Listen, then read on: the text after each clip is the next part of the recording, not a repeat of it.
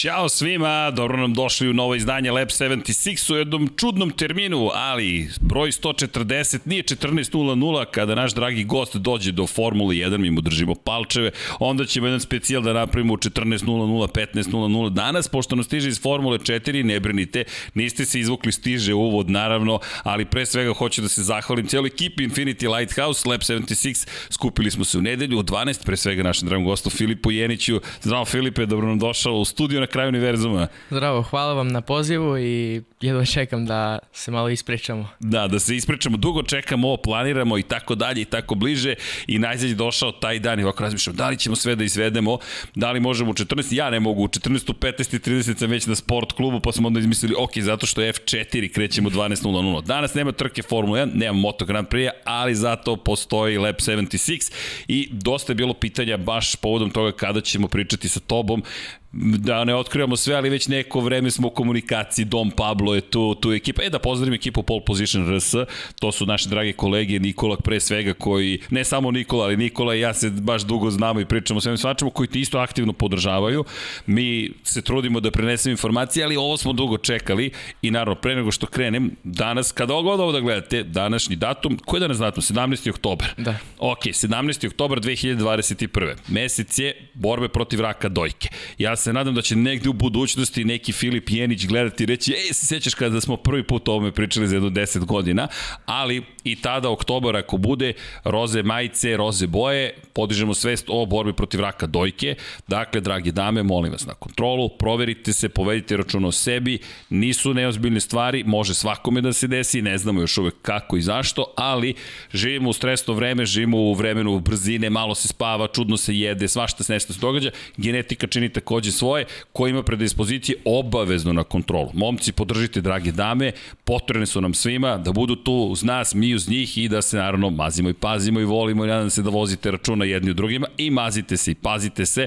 To su glavne poruke, pre svega, da uživamo u životu i da budemo srećni, A naravno, kad govorimo generalno o, o bitnim momentima, pre 7 dana svetski dan borbe protiv, to je ne borbe, svetski dan podizanja svesti o zdravlju mentalno, psihička priprema je nešto o čemu često pričamo, ajde da pričamo o psihičkom zdravlju, anksioznost napada sa svih strana, međutim, kao što uvek kažemo, Infinity Lighthouse je tu, Lab 76 je tu, pa se nadamo da ćemo vam pružiti malo zabave, danas ćemo dosta, ja se nadam se lepo ispričati sa Filipom i da ćemo učiniti jedno nedeljno popodne zanimljivo iz perspektive automoto sporta, Kada je reč o nama, pa ja bih želeo da se zahvalim, posebno udrite like, naravno udrite subscribe kad ste već tu, kada ste došli da se družite. I da se zahvalim posebno našim jel te, pokroviteljima, Patreonima, patreon.com, kroz Infinity Lighthouse, nama znači podrška, pričat ćemo i Filipovim sponsorima, vi ste naši sponzori, mi ćemo kada mi budemo imali boli da stavimo sva vaša imena. I nećemo samo za jednu trku, nego ćemo stalno negde da ih držimo ili motore, sad vidit ćemo dokle ćemo da stignemo, ali Sava, Toni Ruščić, Mario Vidović, Ivan Toškov, pazi, ovo zna da potraje, što je super, Stefan Dulić, Marko Bogavac, Ozren Prpić, Marko Mostarac, Nikola Grujičić, Aleksa Vučaj, Zoltan Mezej, Zoran Šalamon, Miloš Banduka, Laslo Boroš, Đorđe Radojević, Ivan Simeunović, Mihajlo Krgović, Nera Divić, Nikola Božinović, Monika Erceg, Omer Kovačević, Filip Banovački, Miroslav Vučinić, Predrag Simić, Žorž, Stefan Vidić, Mlađan Antić, Jelena Mlak, Mladen Krstić, Marko Ćurčić, Milan Nešković, Ivan Maksimović, Bojan Mijatović, Petar Relić, Stefan Prijević, Nenad Simić, 19, pored toga tajnih pokrovitelja i još Luka Savović, Andrej Božo, Boris Gvozden, Boris Golubar, Zorana Vidić, Luka Manitašević, Ljubo Đurović, Borko Božunović, Đorđe Andrić, Aleksandar Gošić, Dušan Ristić, Demanja Miloradović, Miloš Vuletić, Daniel Kolobarić, Vukašin Vučenović, Ognjen Marinković, Miroslav Cvetić, Marina Mihajlović, Jelena Jeremić, Antonio Novak, Stefan Milošević, Nikola Stojanović, Jasenko Sambrđić, Mihovil Stamičar, Stefan Nedeljković, Zoran Majdov, Josip Kočić, Lazar Pejović, sad više ni ne vidim, Benjamin A, Nemanja Jerem, Jeremić, da, i da žena ne sazna. Ali dobro, to je najnoviji pokrovitelj. I u svakom slučaju hvala svima za podršku. Vi ste nam dali za, za mandat praktično time što nas podržavate da povedemo računa o čemu i kome, o nekim novim nadama. Filipe, ti si, ti si ti si neko koga gledamo, no pressure, bez pritiska, ali kako iz perspektive Srbije, tako iz perspektive regiona, ima tu još nekih momaka i devojaka iz drugih država, komšiluka o kojima ćemo pričati, s kojima se nadam takođe da ćemo pričati, koji nekako nose na nade svih nas koji volimo automotosport i, i čekamo nekog našeg, no pressure Novaka Đokovića, ali idemo polako. Ti si za sada u španskoj Formuli 4. To je za mene, pazi, ja sam, ja sam romantičar, kažu, verujem da, da, nadam se da jesam, meni je to velika stvar. To su ozbiljne formule, pričat ćemo celu tvoju priču, ali pre nego što krenemo samo da, da gde si ti sada, šta je uopšte šampionat formule, ja znam nešto o tome, ali ti si taj koji vozi trke i imao si jedno pobjedničko postavlje ove sezone. Pa hajde da krenemo o, o malo od trenutne situacije i onda da prođemo celu tvoju do sadašnju priču. Ti si rođen 2005. godine, je li tako? Tako je. I rođendan ti je za koliko? Za 13 dana mi je rođen. Dakle, 30. 30. oktober. Koliko pol godina puniš? 16. Ok, Vanja, najzad je neko mlađi i od tebe u studiju stigao je Vanja ovde. Vanja koji je toliko toga uradio, već dve godine smo zajedno. Vanja 22. druge godine vodi studio. Ti si sa 16, to je 15 godina, već stigao u Formulu 4 Španije. Hajde, hajde ovda, šta je to? Za koga voziš? Gde si sada i koji je ovo moment u, u, u sezoni? Pa evo sada će sedma i zadnja trka F4 šampionata u Španiji i Formula 4 je prvi korak iz kartinga u jednosede ka Formuli 1 ili IndyCar i svim tim velikim takmičenjima prvi korak je Formula 4. Osnovana je negde 2015. godine i španska Formula 4 je sve jače iz godine u godinu. Sledeće godine dolaze i druga generacija Formula 4 automobila. Da, ovo su Tatus i, da, Tatus i to T0114 ako se ne veram. E, da, jesu. To su italijanske proizvodnje, Tatusi mm -hmm. se koriste i u Formuli W, Tako je. samo je tamo po specifikacijama Formule 3, da. ovde je po specifikacijama Formule 4. Da. I takođe se koriste u Formula Regional šampionatu, ako se ne varam. Između ostalog, da, tako je. Da, da, tako je to, inače F4 T014 je u upotrebi od 2014, ali kao što si rekao, 2015. polako nastaju šampionati i to je ono što je fenomenalno. Inače i Nemačka Formula 4 koristi iste ove bolide. Da, da.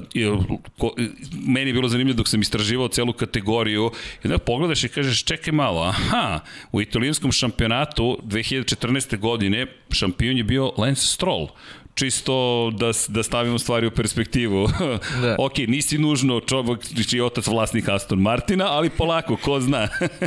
u svakom slučaju, to su ozbiljni bolidi i to je ozbiljna da. priprema za, nadamo se, neku, neki sledeći korak u karijeri. Da ne žurimo koliko god da gledamo, budimo realni, mnogo toga treba da se desi i ne zavisi samo od tebe, ali imaš našu podršku, imaš, ja se nadam, podršku cele zajednice, to jeste pojnta cele ove priče. I desi sada, da kažeš sedam trka ove godine, je li tako? Tako je, da. I sad idemo u Barcelonu za par dana, idemo na testove, a zatim 12. Eh, novembra idemo i na trku. Da probamo što bolje da završimo sezonu. Sezona koja, kako bi je ti ocenio? Ja gledam rezultate, znam, otprilike ima jedan moment koji meni smatram da je mnogo važan, desio se na stazi Ricardo Tormo u Valenciji i moment gde si se popeo na pobedničko postolje. Pa da, mislim, sezona je bila uzbrdo i nizbrdo, imali smo dobre trke, on mu spa prva trka, prvi poen, tako da je izgledalo poprilično dobro, zatim dobri testovi, ali nekako u trkama se nešto ne uklopi, sudari ili prosto nemamo brzinu ni ja ni kolege i dođe do katastrofalnih eh, trkačkih vikenda kao što je u, bio u Aragonu. Da, Aragonu. Gde smo da nisam 20, ušao, 19, pa da, ali, ali nije sad da je bilo toliko loše, imali smo brzinu za top 10, međutim sudar u prvom krugu, sudar opet u prvom krugu, start iz boksa, katastrofalan vikend i onda letnja pauza. Tako da sam tokom letnje pauze bio, imao sam vremena da razmišljam o svemu i da probam da spremim sledeću trku što bolje i da spremim za sledeći test u Herezu. Međutim, pozitivan korona test i onda karantin još 14 dana propušten test u Herezu i onda trka u Valenciji. Neposredno pre trke, znači ja mislim dan dva, sam dobio negativan test i nisam se osjećao najspremnije. Staza na kojoj tri mislim da tri tima su iz Valencije, tako da svakako bolje poznaju teren od nas i nisam imao baš pretredno samopouzdanje za trku. Međutim, prva trka takođe fajlo je nešto, 11. mesto, borba za 10 tokom cele trke, promena, tokom noći smo promenili, kako se zove, neke detalje na automobilu, na bolidu koja bi nam popravila e, nedelju i kvalifikacije na drugo mesto, što je bilo ubedljivo su bile najbolje kvalifikacije sezone i onda prosto start sa drugog mesta olakšao posao. Nisam, nisam verovao da drugo mesto, odnosno start iz prvih pet može toliko da olakša posao jer kada se startuje izvan top 10 borbe tamo su nenormalne. Svi nekako pokušavaju da uđu u top 10, da uđu u poene. Fa, tamo svakako vozači imaju manje iskustva i onda su borbe nekako Dobro, dakle, manje... kvalifikacije postoji još važnije. Da. To sam tek tada shvatio pogotovo. ok, ali kakav bi osjećaj stati na pobjedničko postavljanje? Pa, kako sam prošao liniju? Evo ga, taj moment, hvala Vanja. Circuit Ricardo Tormo Česte. pa da, mislim, prvo sam, imao sam neka pomešana osjećanja jer e, vodio sam trku, a zatim treće mesto što je fantastičan rezultat, međutim nisam dobio nikakav, nikakvu poruku na radio. Ja sam mislim sad ne znam da li tim sre... mislim svako su srećni, ali nisam znao da li su možda razočarani mojim lošim restartom na, tokom safety kara i idem tako neko razmišljam, razmišljam i na pola kruga kreće tim šefa da plače sa dere jer on je došao iz Meksika i ovo, on je počeo sad ovaj projekat sa Teo Martinom da, kako se zove, stvori tim, ni iz čega, znači inženjeri bez iskustva, vozači bez iskustva, tako da od, od totalne nule smo krenuli i došli smo do podijuma, on krene da plače, ja krenem da tu neke motivacije govore. Ja ne znam, ti držiš nisam govor, plako, ja Nisi, ti si njemu držao govor. Jer ja sam držao govor i onda on pogotovo krenuo plače i nekako, kako se zove, pošto nismo imali bokseve, išli smo odmah na ulazu u pit, na desnu stranu i tamo su šatori. I prvi put sam dobio oznaku maršala da odem na podijum i to je bio fantastičan osjećaj kako se zove, stao na treće mesto i nisam također dao ni šta da radim, onako stao, niti sam držao kvačilo, znači motao sam u trrr. Ja, pa, e, svima nam se dešavalo. Nisam ništa onako, samo razmišljam kao, dobro sad, idem sad se radujem sa timom, vidim, ne vidim ljude, svi su nekako tamno obučeni u senci, oko, gde su moji, onako, nisam verovao prosto posle svega da ćemo da dođemo na podijuma, ali bio je fantastičan osjećaj. Dobro, a taj, hajde prvo da, pro, da probeležimo taj moment, lepo je to bilo. Lepo, to je to onaj moment koji svi sanjamo, da vidimo nekog vozača sa ovih prostora iz Srbije kako stoji gore i zastava i kažeš, ok, to je to, to je, to je taj super moment. Kako si se ti osjećao dok si gledao sada ekipu, to, ok, doći ćemo i do tih podijuma gore negde, ali kakav je taj moment, gledaš i kažeš, ok, hoću ovo da se ponovi? Pa da, bilo je, prvo smo bili u onom cool down roomu, slikamo se ovo ono i nekako odjednom samo prezivaju moje ime, ja istrčavam tamo, ono, svi skandiraju Filip, Filip, ja, dobro, sad tražim gde mi je pehar, oni kažu na podijumu, ja reku, podijum ja tražim gde je prvo, drugo, treće mesto, stajem, uzimam kačket, niti sam ga nameštao, ja sam samo onako, neku, ne znam, tresem se od uzbuđenja, onako svi skandiraju srpska zastava iznad i neopisiv osjećaj bio. Dobro da se navikneš, ti želim. I naravno da čuješ himnu, da, da se da, da. himna. A šta se to desilo kada je reč o prvoj poziciji restartu? Pa imao sam ogromnu prednost. Mislim, s obzirom da je bilo samo šest krugova, već oko sekund koma šest možda prednosti. I to čuvao sam gume, tako da nisam uopšte išao ni na kakav limit. Išao sam samo da sredinu, do sredine trke idem konzervativno, čisto da sačuvam gume za sam kraj, jer sam znao da će vozači iza potencijalno da krenu još brže. Međutim, safety car, a meni najbliže što sam bio safety car je bio negde sa šeste, sedme pozicije. Tako da prvi put nisam imao pojma, čak sam na radio krenuo, e, da li je ovo brzina dobra, pošto sam, kako je safety car uga, uh, ugasio svetla, on ide, ja sad ne znam. Šta nisam, sad? šta sad? Stavim na povratnom pravcu i kao, ajde sad idemo, malo zagrevamo gume, razmišljam, pokušavam da odugovlačim kako bi imao što više vremena razmišljam šta ću sad. Međutim, kako sam išao u zadnju krivinu, nije toliko bio loš restart, znači bio sasvim korektan, mislim, ono, otišli smo i ja i drugo plasira, znači Ogard od grupe, međutim on je toliko dobro bio uz mene, dugačak pravac i ja sam izabrao levu stranu, međutim on ide još levlje i ja rekao, ovde nemam kako se odbranim. Pokušao sam kao neki switchback, ali nije bilo šanse. Šta je switchback? Pa, kako se zove, mislim malo ranije da kočim kako bi on, uh, kako se zove, ne, otišao dublje da, otišao dublje i ja da se povučem jer je sledeća krivina opet u levo. Tako da sam, i, ja, i to je kao najjače kočenje, ne znam kako se kaže, znači... Pa dobro, najjača tačka kočenja. Da, najjača tačka kočenja i mislio sam možda mogu tu ga povratiti, međutim nije bilo šanse.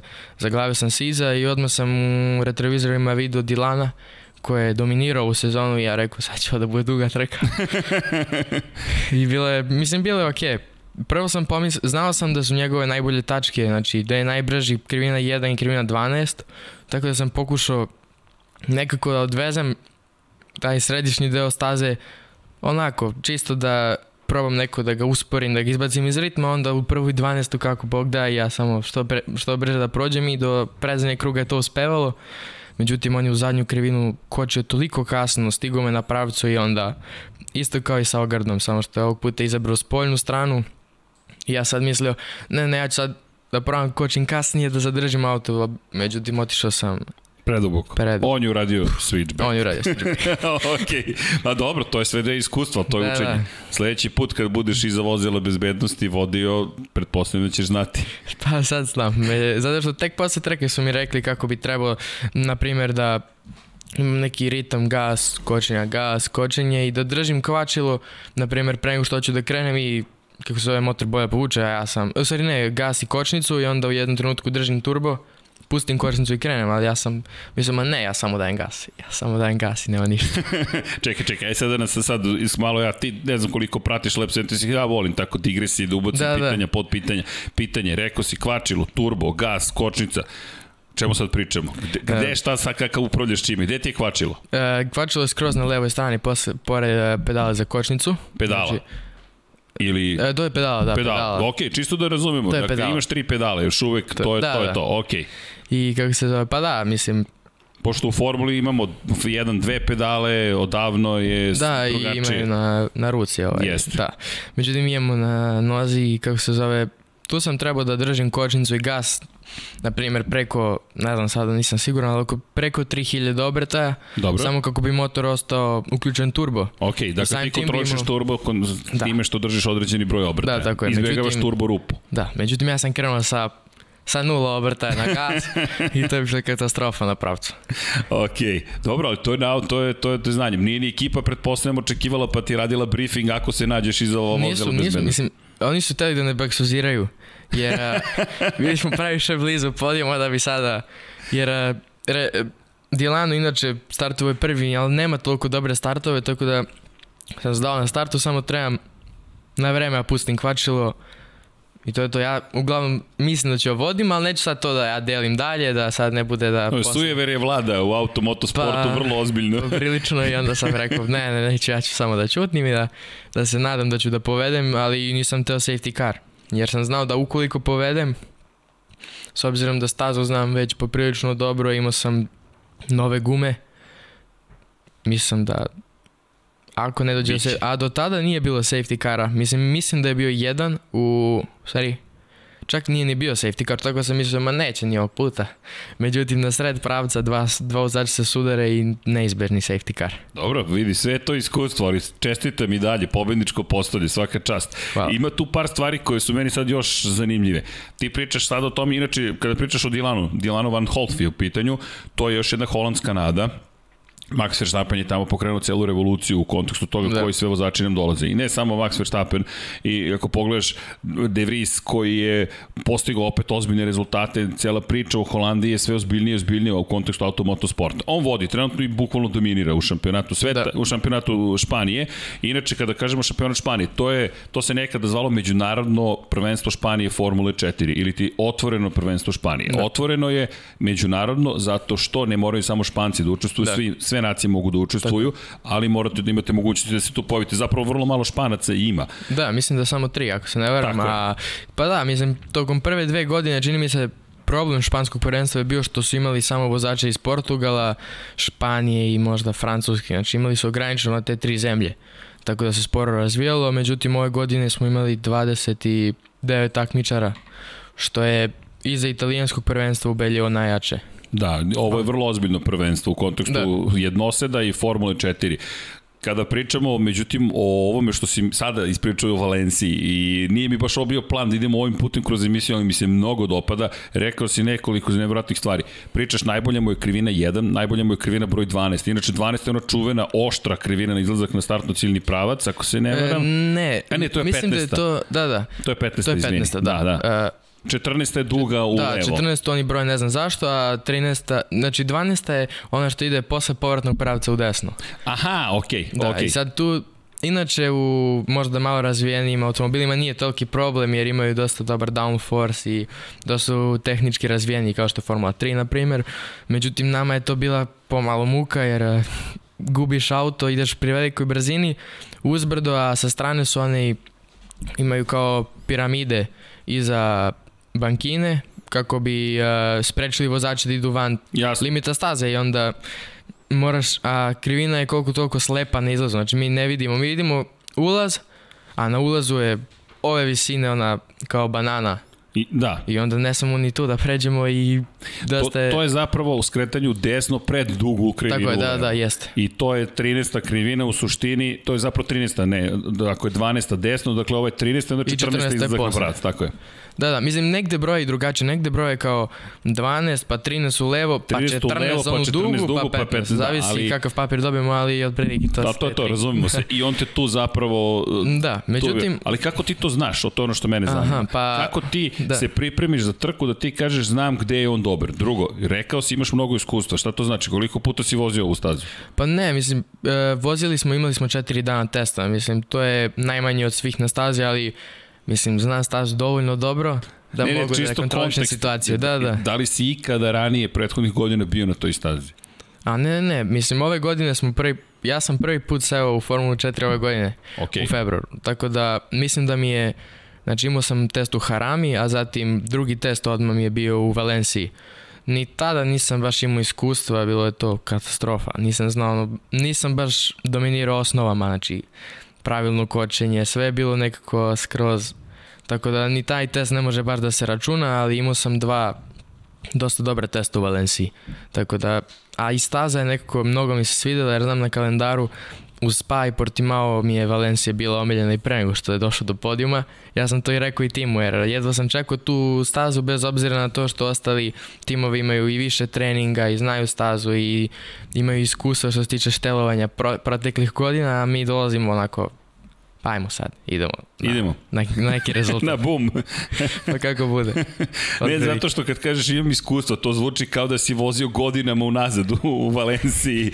I, a pošto znam da nisi, moram da prosto da te pitam. Da, Možda da, da. sam nešto pogrešno uradio istraživanju, koliko se sećam. Ti si vozio do ove godine, šta si vozio do ove godine? Pa karting sam vozio i onda, kako se zove, znali smo da negde 15. 16. godina već mora se pređe u jedno sede. Mislim, ako je to put, naravno može se pređe i u kako se zove, GT automobile, međutim mi smo to, to su mislili, automobili, to je to su automobili, priča. da, mi smo jedno sede i mislili smo to je pravi trenutak jer tu što sam vozio centralno Evropi, po Evropi, imali smo odlične rezultate, e, poklopilo se sve, sponzori su bili uz mene kojima sam e, beskreno zahvalan. Evo, ja ću da, da, da spomenem. Ti voziš za Teo Martin Motorsport, ili tako? Da. Inače, imaš dva sponzora, British Motors Serbia i WD Concord West, ili tako? Tako je, da. Ok. I imaš pole position RS na svojoj strani kao medijskog partnera, kao neko ko te podržava sa ovih prostora. Da, tako je. Moramo da spomenemo te kolege zato što zaslužuju pohvali i zaista su divne. I Teo Martin je čovek koji je osnovo tim, je li tako? Da, tako je. I tim koliko postoji? E, pa tim postoji, ja uopšte nisam nešto ulazio u istoriju tima mnogo, ali imali su GT automobile do, imali su i kako se zove Formula World Series do pre par godina, Tako da ima ih, ali vozili, ne znam, ne mogu da pohvatam istoriju zato što su oni još od 80-ih imali tim u reli, u reliju, tako da ja Vole motorsport. Da, u svakom A koja im je čovjek... sezona u Formuli 4? Uh, prva. Ok, dakle da, svi ste da. debitanti. Svi smo. E, čak i inženjeri, jer inženjeri, pošto tamo u Madridu, gde je i tim, e, kako se zove, tamo imaju na, mislim, trećem spratu imaju univerzitet za inženjere. Tako da moj inženjer je Ja sam mislio da sad on ima neko iskustvo, ja njemu dolazim i kažem, baš mi je onako kao drago što sam mi prvi inženjer ovo ono. On kaže, pa i meni je drago što sam mi prvi vozač, rekao. okay. Mislim kao, dobro sad. Mm, tako da, u timu je najviše falilo iskustva tokom ove godine. Jer nekako mi smo sve učili uz put. Ništa on nisam bio pripremljen, nego napravim neku grešku, napravimo neku nek... Safety car. Da, pa safety naučiti. car je to da, najveći primjer, ali i bilo je tu i drugih. Naprimjer, ne znam, nisu mi spominjali na primjer za to grejanje guma. Ja sam mislio, neću čekaj, ja da idem... Izvini, izvini, moram da te, moram da te vratim. Počinj pred početak emisije. Ja ti kažem, dobro, stavi slušalice da čuješ da, kako da. će ti biti i ti kažeš, sad radimo radio check. I tek onda mi sine, tebi ovo potpuno normalna situacija. Ti si stalno s mikrofonom i slušalicama. Da, da. I kako to izgleda? Radio check, Filip, can you hear me? Da, da, pa pre nego što izađemo na stazu svaki put m, proverimo m, balans kočnica. Dobro. A pre toga uradimo i takođe i radio check zato što antena na kojoj je povezana na kamion s vremena na vreme nije povezana, na primjer, ili ko zna šta. A, a Čekaj, tokom... nije povezana, to su da, one početnički momenti. Da, to su ti početnički momenti. Tako da radimo radio check, jer e, to jeste mislim, ne pričamo pretirano sa inženjerima, međutim u ključnim trenucima to je preko potrebno. Jer znam kako je bilo, na primjer, kad je radio bio mnogo važnija druga trka u Valenciji, opet Valencija. Mislim, bio sam deveta pozicija i ispred mene vozač koji je bio svuda e, van staze, znači track limits na, na sve tri, na, pošto smo imali tri tačke koje su najbitnije na stazi, prva, šesta i poslednja krivina, gde se najviše dobija limitima staze i dva kruga pred kraj, e, sorry, tri kruga mi kaže inženjer, stižeš ga, brži si. I kao, idemo na poen, jer uh, u sprint trci dobijemo prvih osam dobija poene i ja sam mislio... A ti si deveti u tom da, da, I ja sad mislim mogu ja to, mnogo sam brži i kako se zove, vidim ne mogu niko da dođem do tog taj zadnji korak da bi ga prošao. I ja dva kruga pre kraja, ja se predarem kao, pa ne mogu ga prođem, kako, kako se zove, svuda je po stazi i oni meni kažu kao ima dve sekunde kazne, tako nemoj da reskiraš, samo se drži za njega i to je to. Znači to su ti trenuci gde nekako re, uh, radio i najbitniji, jer ovako ja bi, ko zna šta bi ja uradio za, to, za taj poen. Ovako ja sam rekao, dobro, ja idem sada samo da Sedim se dovezem iza njega i to je to. I na kraju imao i 5 sekundi, jer ja, ja ne razumem kako, jer ja sam video... Pa ponelo ga možda. Da, ali problem bio što je svake kvalifikacije imao obrisano bar pet krugova, tako da sam mislio valjda do sad naučio, međutim ništa. Celu trku je bila njegova, njegov broj sa onom warning zastavom, crno-belom, I ja ono mislio, ako do sad nije dobio kaznu, ne znam kad će. I hvala Bogu dobio i... I dobio si je, poen. Da, dobio sam poen i to je bilo uvertira za sledeću trku da sam i dobio podijum. Da. Jer sam startao s 15. mesta i došao do 8. tako da to je bilo odličan vetar To je fenomenalno bilo. Ko, čekaj, koja je bila tvoja omiljena pozicija za preticanje?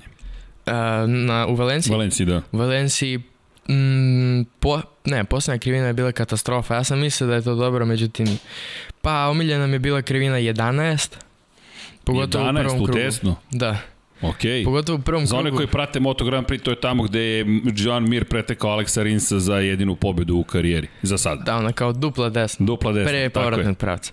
Da, tako da, mislim, tu eventualno krivina broj 2, međutim problem je brza krivina prva, tako da nekad ne znaš šta će vozač ispred tebe da uradi i onda nekako mora budeš malo konzervativan da ulaska u krivinu, onda ti on ode. Tako da 11. je dobra pogotovo u prvom krugu jer... Lepo bude gužva vamo tamo, samo ako uđete unutra, uvek se desi bar tamo u daljini neki sudar, ovaj, otvori vrati, to je to. Možeš po dvojicu da obiđeš, jer malo nepažnje, to je to. I što me vraća na to pitanje, kako si znao za prvu i 12. krivinu da odgovara? Šta si radio? Mm, pa ne, imali smo, kako se zove, pošto on bio vodeći u treninzima, Prvi vozač uvek daje podatke drugim uh, timovima. A, zanimljivo. K da, Koje podatke mora, daje? Uh, telemetriju, znači... Celu? Da, celu telemetriju mora da, svih krugova, međutim, naravno, uzmeš najbrži krug i kako se zove, m, bila je to noć pre prvih kvalifikacija, I mi smo onda gledali i nismo verovali da nam uzimo pola sekunde u prvoj i 12. krivini, sve ostalo samo od veze koje mi manje više. I mi gledamo pa šta on to radi.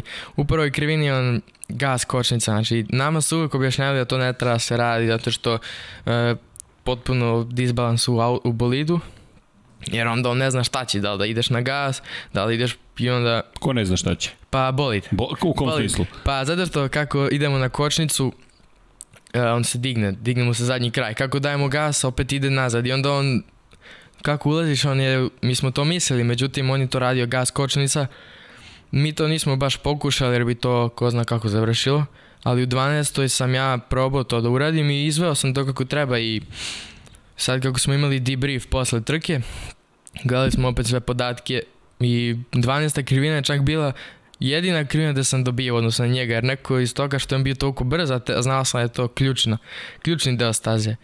Tu sam, bila razlika možda 0,001, ali to je to, ja to sam to. bio brži.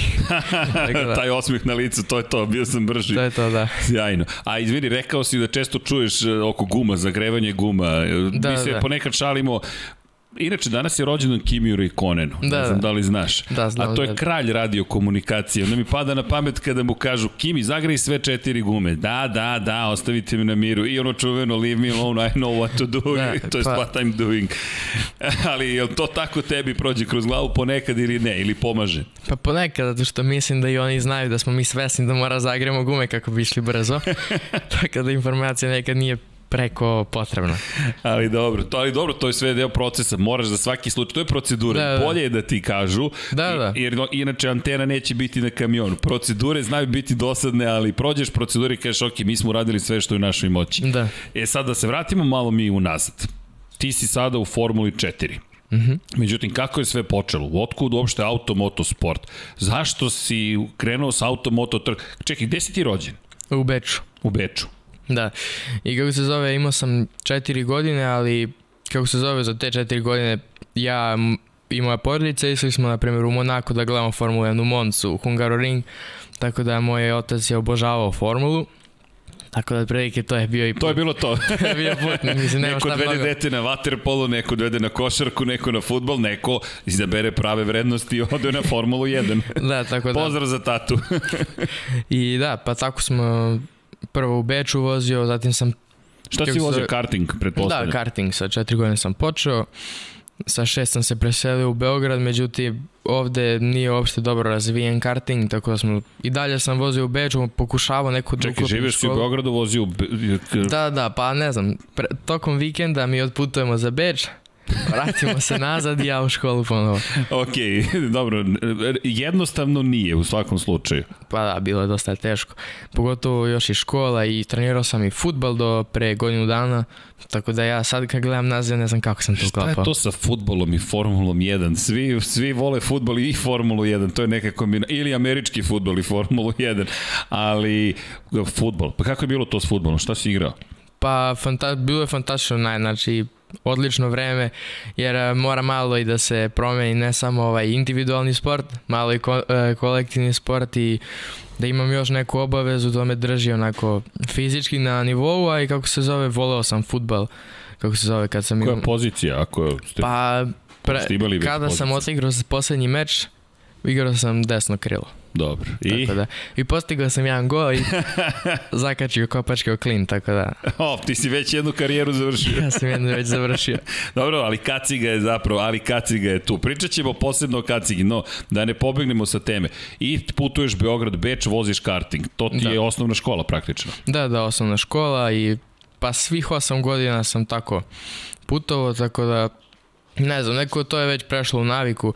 Međutim, posle nije bilo toliko potrebno, znači možda do devete godine bilo potrebno da idem do Beča da treniram i vratim se, a posle mm, ne više toliko često jer već znam Jasne. imam mnogo više iskustva nego ta, to je bio sam početak, moram da dođem na neki nivo i posle samo nivo da obdržim i učim uh, kako, da, kako da se usavršavam.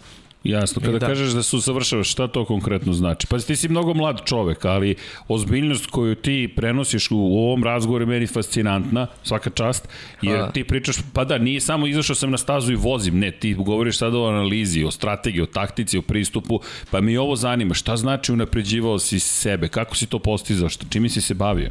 Pa prosto kako starim nivo je sve veći, tako da sam Neko Kako proba su... starim, ja izvini Filipe. Ja se izvinjam, ali mislim... Kako starim? pa ne, ali mislim... Ja pa, dobro, sam mislim... bukvalno 30 godina stariji od tebe, ali dobro zvuči to, sve je okej. Okay. kako, pa ne znam kako sam... Da, ali kako god, e, što sam stariji, to to je i viši nivo i pokušavam da se uklopim. Šta radiš tačno? Šta, šta, pa, da li gledaš trke ili e, čitaš, e, znaš, kako pristupaš da, da. tome da se pripremiš bolje? A, a opet rekao si manje ti je potreba za treninzima. To mi je vrlo zanimljivo. Pa ne znam, nekako prosto fizički se dovedem u red pre svega, jer nekako i to je onako dosta bitno. Šta treniraš I, konkretno? Šta, pa šta, futbol sam tada trenirao. Ali šta radiš sada? Kada, kada A sada? Pa sada treniram kod kuće koliko god mogu. Bicikl ili... Pa ne, aerobne, više radim onako... Vežbe snage? Da, vežbe snage, ono, sa body weight. Aha, okej. Okay. Tako da ništa Sklekovi, zgibovi. Da. Međutim, sada, na primjer, u presezoni smo se spremali, bio sam mesec dana, mesec i po dana u Španiji i non stop trains i simulator, trains i simulator, tako da kada sam došao na taj nivo, posle vožnja je samo bila da me još obdrži i nije više bilo toliko potrebe jer najbitnije je presezona i tokom na primjer ove letnje pauze da se pogotovo trenira kako bi što bolje bio, e, kako bi bio što spremniji za sledeću trku.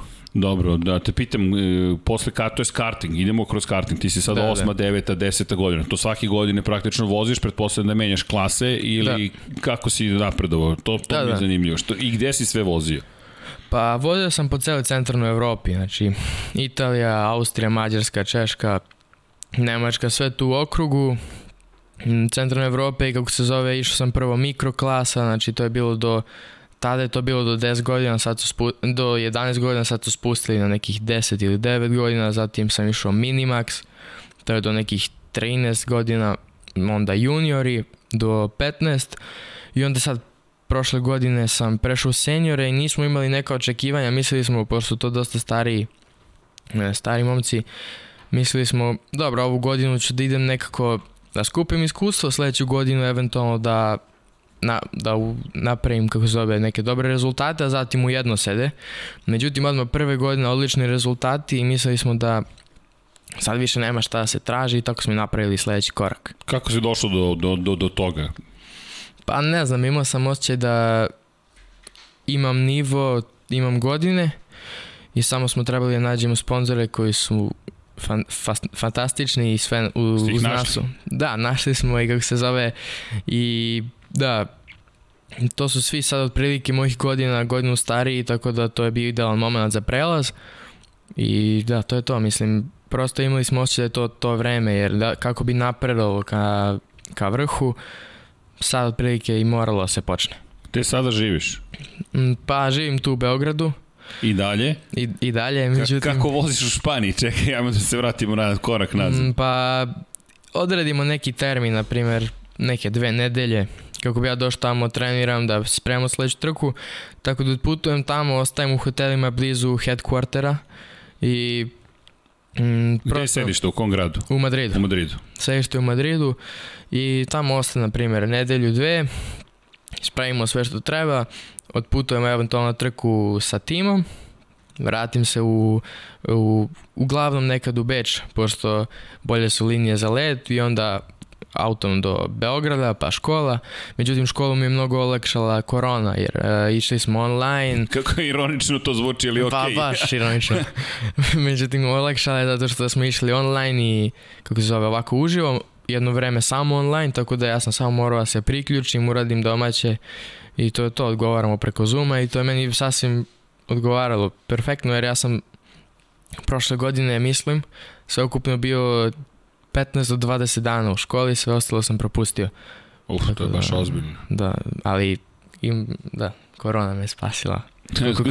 ok, nešto pozitivno da čujemo iz ovih 18 meseci, da. ali dobro. Pa dobro, ali to je isto fascinantno, ali si posvećen školi, koliko sam shvatio, od toga nema odustajanja, naprotiv, to je takođe važno u, u tvom životu. Pa da, da, mislim, nikad se ne zna šta će da se desi u putu uh, do formule, na primjer Formula 1, tako da uvek može da se desi da nešto iskrsne bilo šta, tako da sam onda spreman da pređem negde drugde, a takođe i futbol je sve do sada bio Ozbiljan. Da, ozbiljan. Mislim, da, mislim, nisam Dovoljno bio... ozbiljan da možeš da, da, da može da se pređe, jer jasno. tu sam držao se u prvoj ekipi, igrao, bio s timom i kako se zove, u slučaju da ne prođem u jedno sede, imao sam opciju na futbal, ako ne prođe futbal, idem, završim škole, tako da imao sam više opcija. Sad je to svedeno na, na formulu i na, na školu. Formula 1 se provlači kroz razgovor. Pričaš o Formuli 1. Hajmo da se dotaknemo Formuli 1. To je, to je, to je tvoj san pre svega. Mi ćemo ti se pretpostavljati, jel to jeste san? To jeste san. Međutim, ne volim toliko gledam u budućnost, nego korak po korak okay. i... Ok, onda ću tu da stanem, ali ajmo da pričamo malo o Formuli 1 iz perspektive ljubitelja, posmatrača. Da, da. Pratiš Formula 1? Pratim, da. Kakva ti je sezona? Pa, fantastična, pošto konačno imam neku borbu, neki, okay. neku borbu na vrhu, tako da bit će zanimljivo. A za koga navijaš? Ne nužno ove godine, ko ti je, ko ti je bio ili jeste heroj i imaš li mhm. svog vozača ili tim? Da, da. Pa Ferrari je više onako tim, međutim njega sam zavolio zbog Filipa Mase. O, tako zanimljivo, da on, Filipe Masa. Da, tako da on kad je napustio, više nisam imao neku simpatiju prema određenom vozaču, više sam gledao, eto, radi akcija nešto naučim, da vidim i da uživam prosto. Jel možeš da naučiš nešto? Pa evo, na primjer, rekli su mi da sada, kako se zove, uzmem, pogledam video snimke safety car restata, da bi nešto naučio. To mi je rekao šef tima da će mi kupi, kako se zove. Dobro. Rekao je sad će da ti kupi, to mi je rekao, onako, tu neko veselje, on kaže, ja tebi kupujem kao poklon Formula 1, kako se zove, pretplatu i da možeš da gledaš svaki put kada imaju restart, međutim ne znam da mi gledamo na sport klubu vas, tako da nema problema s tim. Ali da, tako da je rekao da sada obratim pažnju na safety car restarte. Dobro, to, pa okej, okay, to može da se nauči. A pa možeš da. da naučiš nešto iz perspektive kada gledaš vozača kada upravlja bolidom da, ili da. podešava ili komunicira sa timom ili sa strane. Šta, šta, koje informacije možeš uopšte da dobiješ? Pa, da li možeš? Pa može, komunikacija sa inženjerom, na primjer, to isto dosta može se nauči, ali i kako se zove samo ponašanje tokom borbe na stazi. Znači da vidimo prosto koji su limiti borbe. Jasno. I znači to je sam vrh, to su sve najbolji vozači, od njih može najviše da se uči.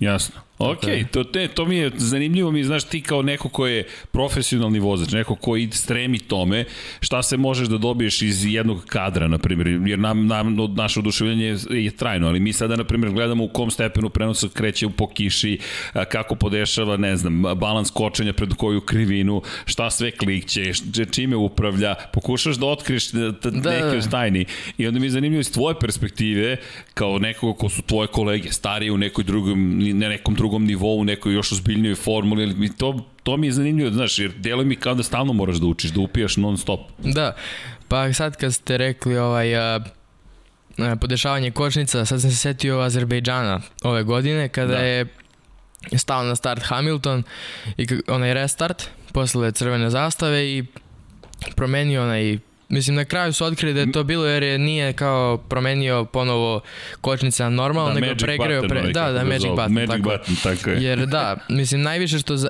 gume zagrejemo i kako se zove onim wavingom, znači... Jas, da, ali, levo desno kada Ali takođe jako bitno da gas i kočenje, gas, kočenje, kako se zove, to zagreva kočnicu i onda kočnica zagreva, kako se zove... Pneumatik. Da, i da, tu sam na primjer video koliko je to bitno, jer u jednom trenutku znam i kada je bila na uh, on board od Verstappena kada mu se zapale kočnice, mislim vidi se plamen, tako da to je ono pokaže važnost toga. Jer nekad imaš oće, pa ne, nije to toliko bitno, mogu ja i ovako. Dok ne kreneš da gubiš pozicije u prvom krugu. Evo, pri kojim brzinama to radiš? Je to pri e, niskim, visokim brzinama, kako to uopšte izgleda, pa to, procedura?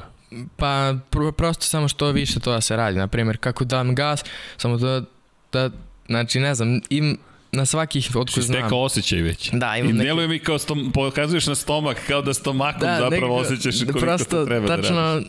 Ne znam, imam osjećaj kako, kako se ubrzam, tako trebam. Da kočim, kočim i onda čujem škripanje kočnica od toploti i onda znam to je to. Sad je još malo, još malo. Ok, to je taj feedback kada škripe kočnice, da, to je to. Ne, međutim, nekad onda, kako se onda opet malo pregreju, onda više ih ne čujem, onda ponekad prosto pa ja to grejem uopšte, onda setim, ne, ne, to je što se opet previše tople, tako ne čujem to škripanje, ali to škripanje je dobar znak. Dakle, škripanje je idealno, dakle, ta, taman su koliko da, treba, da. zagrejene nisu da, da. previše. Da. I to je ono, onda znam da opet treba malo nastavim da, onaj, ne znam kako se to Pa vijuganje, ne znam. Vijuganje. Mo, vijugamo, može tako. Da. Arhaični izrazi. Da, da, nastavimo da Prvi gost inače koji mi persira, moram da zapamtim ovaj Lab 76. ali hvala, to govori o tvojoj kulturi, tako da ja ti neću govoriti šta treba da radiš ili ne, ali, ali svaka čast. Dobro, to, to su sada neki detalji koje, koje ti skupljaš, učiš. Jedno pitanje, kada pričali smo o simulatorima i učenju, ali u stvari pre toga, znaš šta mi pade sada na pamet? Filipe Massa, Kaciga. Čekaj, sad sam shvatio, je da. to, je to zapravo... Jest, pa, mislim, Sjajno. nisam imao ideju to da bude uklopljeno u dizajn, pošto ja sam čovjeku koji mi je radio kacigu i kome sam zahvalan jer je ova kaciga Ček. postala hit na gridu. Da, pa pazi, hit je u studiju, odmah da znaš. Ne znam kako ćeš da voziš bez kacige, ali nadam se da će se snaći. da, pa kako se zove, da, Opa, on je ček, meni, ček, pošto ček, pričali smo mi... Uh, Evo da se vidi. Dobro. Vanja, malo ću pomeri mikrofon.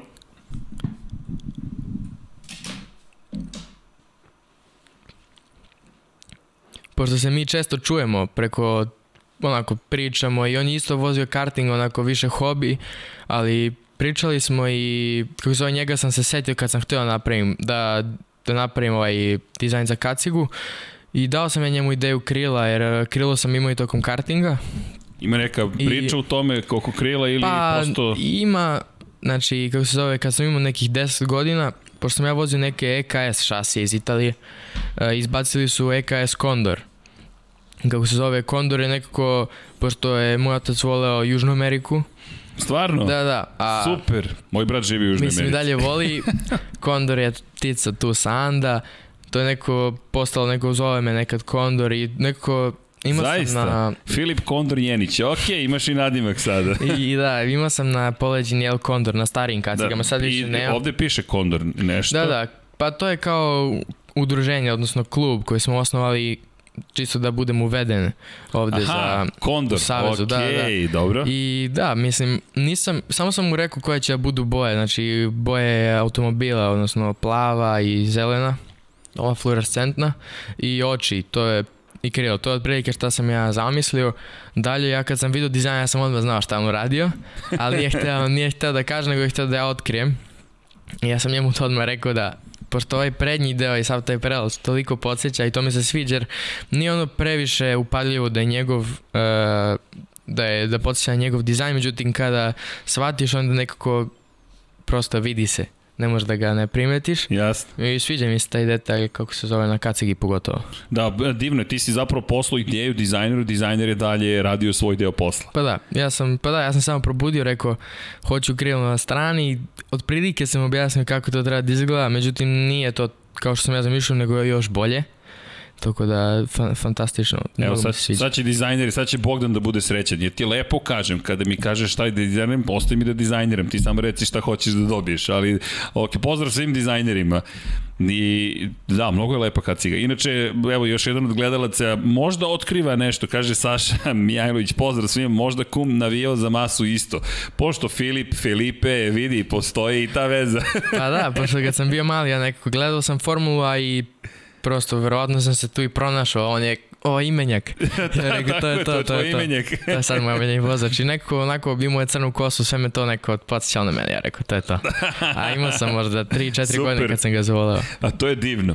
Da, to je zaista divno. Tako da eto, i tu duh Filipe Masa. Filipe Masa koji je bio blizu titule, mnogo toga proživeo. Filipe je jedan sjajan vozač i ostaje nam u pamćenju, ali Filipe, pa nadam se da će biti prilike i sa Filipeom da, da sarađuješ na nekom nivou. Da, pa mislim, već sam ga upoznao, kako Jesi? se zove. Da, Super. Da, da, na, bio sam na Svetskoj akademiji Finoj. 2019. To je neka kao međunarodna trka gde svaka država šalje po jednog vozača. Jasno. I kako zove, bili smo u Italiji i na dodeli, e, dodeli medalja za finaliste, on je kao dodeljivo medalje, imali smo sliku, međutim ja nisam imao sliku s njim odande jer nisam uh, fotograf koji slika, ja ga nisam, kako se zove, prosto nisam teo da me slikaju i kako se zove, posle je moja bila podijumska ceremonija i ja vidim Filipe, a može slika? I mi slikamo i sad imam i tu sliku, međutim nisam vam poslao, nisam se nema setio, ali... Nema veze, Ima, imamo fotografije razne koje si nam poslao, ali vidi, možda će to biti ona fotografija, znaš, mi sad to gledamo, uh, Hamilton sa, ne znam, uh, Landom Norrisom, pa, pa da, pa ozbiljno, eto, kad se sećaš toga, ili ne znam, Max Verstappen kada je bio da, mali da. sa svojim herojima i onda kažemo, ok, za 10 godina Filip, kaže Filip i Filipe, taj moment. Ali dobro, rekao si, nećemo da žurimo, mi ćemo da, da. mi ćemo da žurimo za tebe, veruj mi, nadaćemo se mi, ali, ali, ok. Uh, imam, imam, imam još par, ima još nekih stvari koje mene zaista zanimaju. Konkretno, hajde, ovo je manje bitno, ali u trenutnoj Formuli 1 imaš nekog za koga navijaš čisto, to je mm. Ferrari i to je to. Pa nemam baš, više hoću da vidim akciju i da sad borba za titulu. I da naučiš. Pa da, i da, da uživam. Super, super. A što se tiče budućih planova, to je sad ono najvažnije. Nekako ovde te upoznajemo, ti si veoma mlad čovek, imaš već, ti čak mislim da nam ne govoriš to, koliko si karting trka imao? Mm, ne znam. Ne, ne, okej. Okay. to treba prebrojati. Ali, pa da, to treba prebrojati. Mislim, jedno vreme sam imao po 20 trkačkih Uh, vikenda, ne brini, ako si da, stao na nešto, sve je okej. Okay. Da, Bez da, brige, evo, pusti se. Zove nekih uh, 20 vikenda godišnje, to kad sam bio manji, tako da vremenom je to bilo malo manje, oko 15, ali... Tokom vikenda stvarno... koliko trka imaš? Mm, tri sam imao, da. Isto kao i sada. Dakle, 60 trka si vozio, na primjer, po sezoni. Da, po sezoni, da, nekih 60. I da, tako da bilo je... Pa da, si sitnica. to je, pa ništa, to odvezem 60 trka i sve je okej. Okay. Ali da, moramo da skupimo tvoju kompletnu statistiku zapravo. Nismo još krenuli tim putem, više želimo te upoznamo ovako na ljudskom nivou, da, da vidimo ko si, šta si, kako ti pričaš, kako posmatraš stvari. I ono što mene zanima je sada, stiže nam 2022. godina. Pazi, nećemo, i sad se uopšte ne šalim, na početku sam napravio neke, neka, hajde kažem, predstavio viđenje stvari, šta bismo mi volili da se desi. Krajnje sebično, ovo ne veze s tobom, da znaš, mi smo sebični u ovoj situaciji, želimo da imamo nekoga ko će doći do nadamo se Formula 1 jednog dana, prosto da bismo se osjećali mi dobro, kažem, to je to, jer to su, pazi, ti si super junak, u kom smislu? Sportisti su junaci modernog doba, redki koji su ostali kao junaci i onda šta ja vidim u, u Formuli 1 ili u sportu generalno, to je onaj moment probudiš se tog jutra i vidiš nešto veličanstveno, vidiš nešto nevjerojatno i to motiviše, kažeš to je to, a i druge strane navijaš, prosto to je lepo, imaš nekoga za koga ti navijaš i mi ćemo te podržavati kroz sve. U suštini, nikakvo očekivanja ne želimo da ti mi namećemo, niti imamo prava, prava, verujem da si ti sebi dovoljno toga nametnuo, ali ono što hoću da kažem je da imaš našu podršku. Ti si sada u jednoj vrlo važnoj fazi svoje karijere. Deluješ mi kao veoma racionalna osoba, svesna osoba, I iz te perspektive samo hoću ti kažem da imaš podršku iz ovog studija i mi smo, ako se to zove mediji, mada mi volimo više od sebi da nešto kao neka ekipa ljudi koja voli da priča o Formuli 1 i motorima generalno i naravno zajednica, ali imaš podršku i sad iz te perspektive podrške upravo jeste ovaj razgovor. Mi želimo da mnogo više ljudi zna ko si ti, da ti postojiš. Kažem, pričat ćemo danas sa Filipom Janićem, ko je Filip Janić. Ja želim da se to promeri, Deki koji nam nije tu želi da se to promeri, Paja koji nam nije tu želi da se promeri. I imamo dosta obaveza. Odavno nisam bio sam u studiju, to moram ti priznam, je zbunjujuće sad postalo za mene, ali mi je drago malo da se iščeskamo i ovako nekako, kao da se vrati dve godine unazad. I to je Dom Pablo, to je Vanja i to je to ali stvari jeste u tome da bez ikakvog nameta obaveza, kakvi su sada planovi? 2022. je praktično već tu. Ti imaš još jedan da. trkački da. vikend, ali verujem danas je oktobar da ste u pripremama ako se već niste spremili za narednu sezonu. Da, mislim mi imamo plan već imamo već plan i na dugoročnim stazama, međutim ne bi volao o tome korak da pričam. Korak nemoj, neću te ja ali, pitati. Da, imamo... Imaš podršku, to je ono što želim da ti kažem. Imaš našu podršku kada ti proceniš da želiš da pričaš o tome, kada ti proceniš da je pravi trenutak, mi ćemo biti tu. Dakle, nemaš nikakvu obavezu prema nama, pojente je da te mi podržimo koliko mi možemo. Ako svako od nas te podrži koliko može, pa ja mislim da ćemo ti pomoći da ti zapravo svoja krila razviješ i ostvariš svoje snove. To je neki naš ideal, tako da ne moraš da pričaš ni o čemu što ti ne prija. Da, da, pa mislim da, u svakom slučaju planove imamo i kako se zove, i to i na duže staze, ali Ne, polako, da, polako. Da pričam. 2022. ali postoji neki plan sada već ili ne, sada za ovo. To nije dugoročno, to je... Da, da, i postoji, međutim... Još nije vreme. Da, ok, nije to vreme. mi govoriš. Ok, Uskoro je vreme, čekamo. ali... Ali očekujemo da nam javiš kada bude. Dobro, dobro to je bitno. Jesi ti zadovoljan sezonom do sada? Mm, jesam, jesam, zadovoljan sam sezonom i napredkom. Dobro. I da, iz, u svakom slučaju bilo mi je bitno nekako u startu odmah da se odvojim od kolega, pošto sam mislio, oni su mi neka kao, kao neka, neki reper za prvu godinu, jer ne mogu da se merim s ostalima, jer inače su vozači prošle godine, kao što na primjer Dilano, on je imao prošle godine e, 60 plus test dana, on, znači on je proveo petinu godine samo na stazi, a ja sam do tada još vozio karting i tek u februaru sam ja došao do toga da ću ja da vozim. Jasno. Tako da sam ja u startu već bio toliko iza svih ali kako se zove napredak se vidi samim tim što smo se kako se zove borili u Valenciji protiv Dilana i ekipe, tako kažem. Jasno. Ok, vidim da imaš osmeh na licu, ali idemo korak po korak. Nećemo mi da te, nećemo da te teramo sada da pričaš. Djeluj mi kao da si jedan od ljudi koji kaže čekaj ja prvo da uradim nešto, pa ćemo onda da pričamo. A ne, ja ću sada da vam najavim nešto, to se neće desiti. To je već, meni se dopada taj stav. Ajde prvo da uradimo nešto, pa onda kažemo, e, ovo smo uradili, a onda idemo dalje, ali nećemo vam reći tačno šta će da se desi, mi vidimo to, pa kad se desi možemo da pričamo. otprilike, da. Ok. Pa da, ali cilj sezone je bio otprilike podijum, jer to je najavio i tokom letnje pauze šef tima, da smo sad otprilike sastavili sve te neke osnove sa vozačima, inženjerima i više iskustva. Sad treba samo dođe trka da će kocki sad se poklope i da dođe do podijuma i eto, sad smo to ostvarili. Sad ide još jedna trka i nadamo se najbolje. Ideš u Barcelonu, ili tako? Da. Barcelona, čuvena staza Barcelona, Srkat de Katalunja. U, čekaj, stani, stani, stani, zaustavimo se ovde. Ovo je spa. Ovo je, kakva je spa? Pa, onako, Euruž je fascinantan, neopisiv, ali sama staza nekako, kada navikneš na staze kao što su Harama i neke sporije staze, kad dođeš tamo, to je većina kruga samo pun gas, onako, ogromna brzina i kako se zove, pre prvog izlaza upozorio me trener kao kao idi malo lakše kroz euru, znači nećemo završiti u zidu. Ja sam rekao, to nije ništa teško, mislim kao, može u simulatoru, neće biti valjda toliko teško kako sam se spustio unutra i dalje deluje kao vrlo realno da može da se prođe dosta brzo.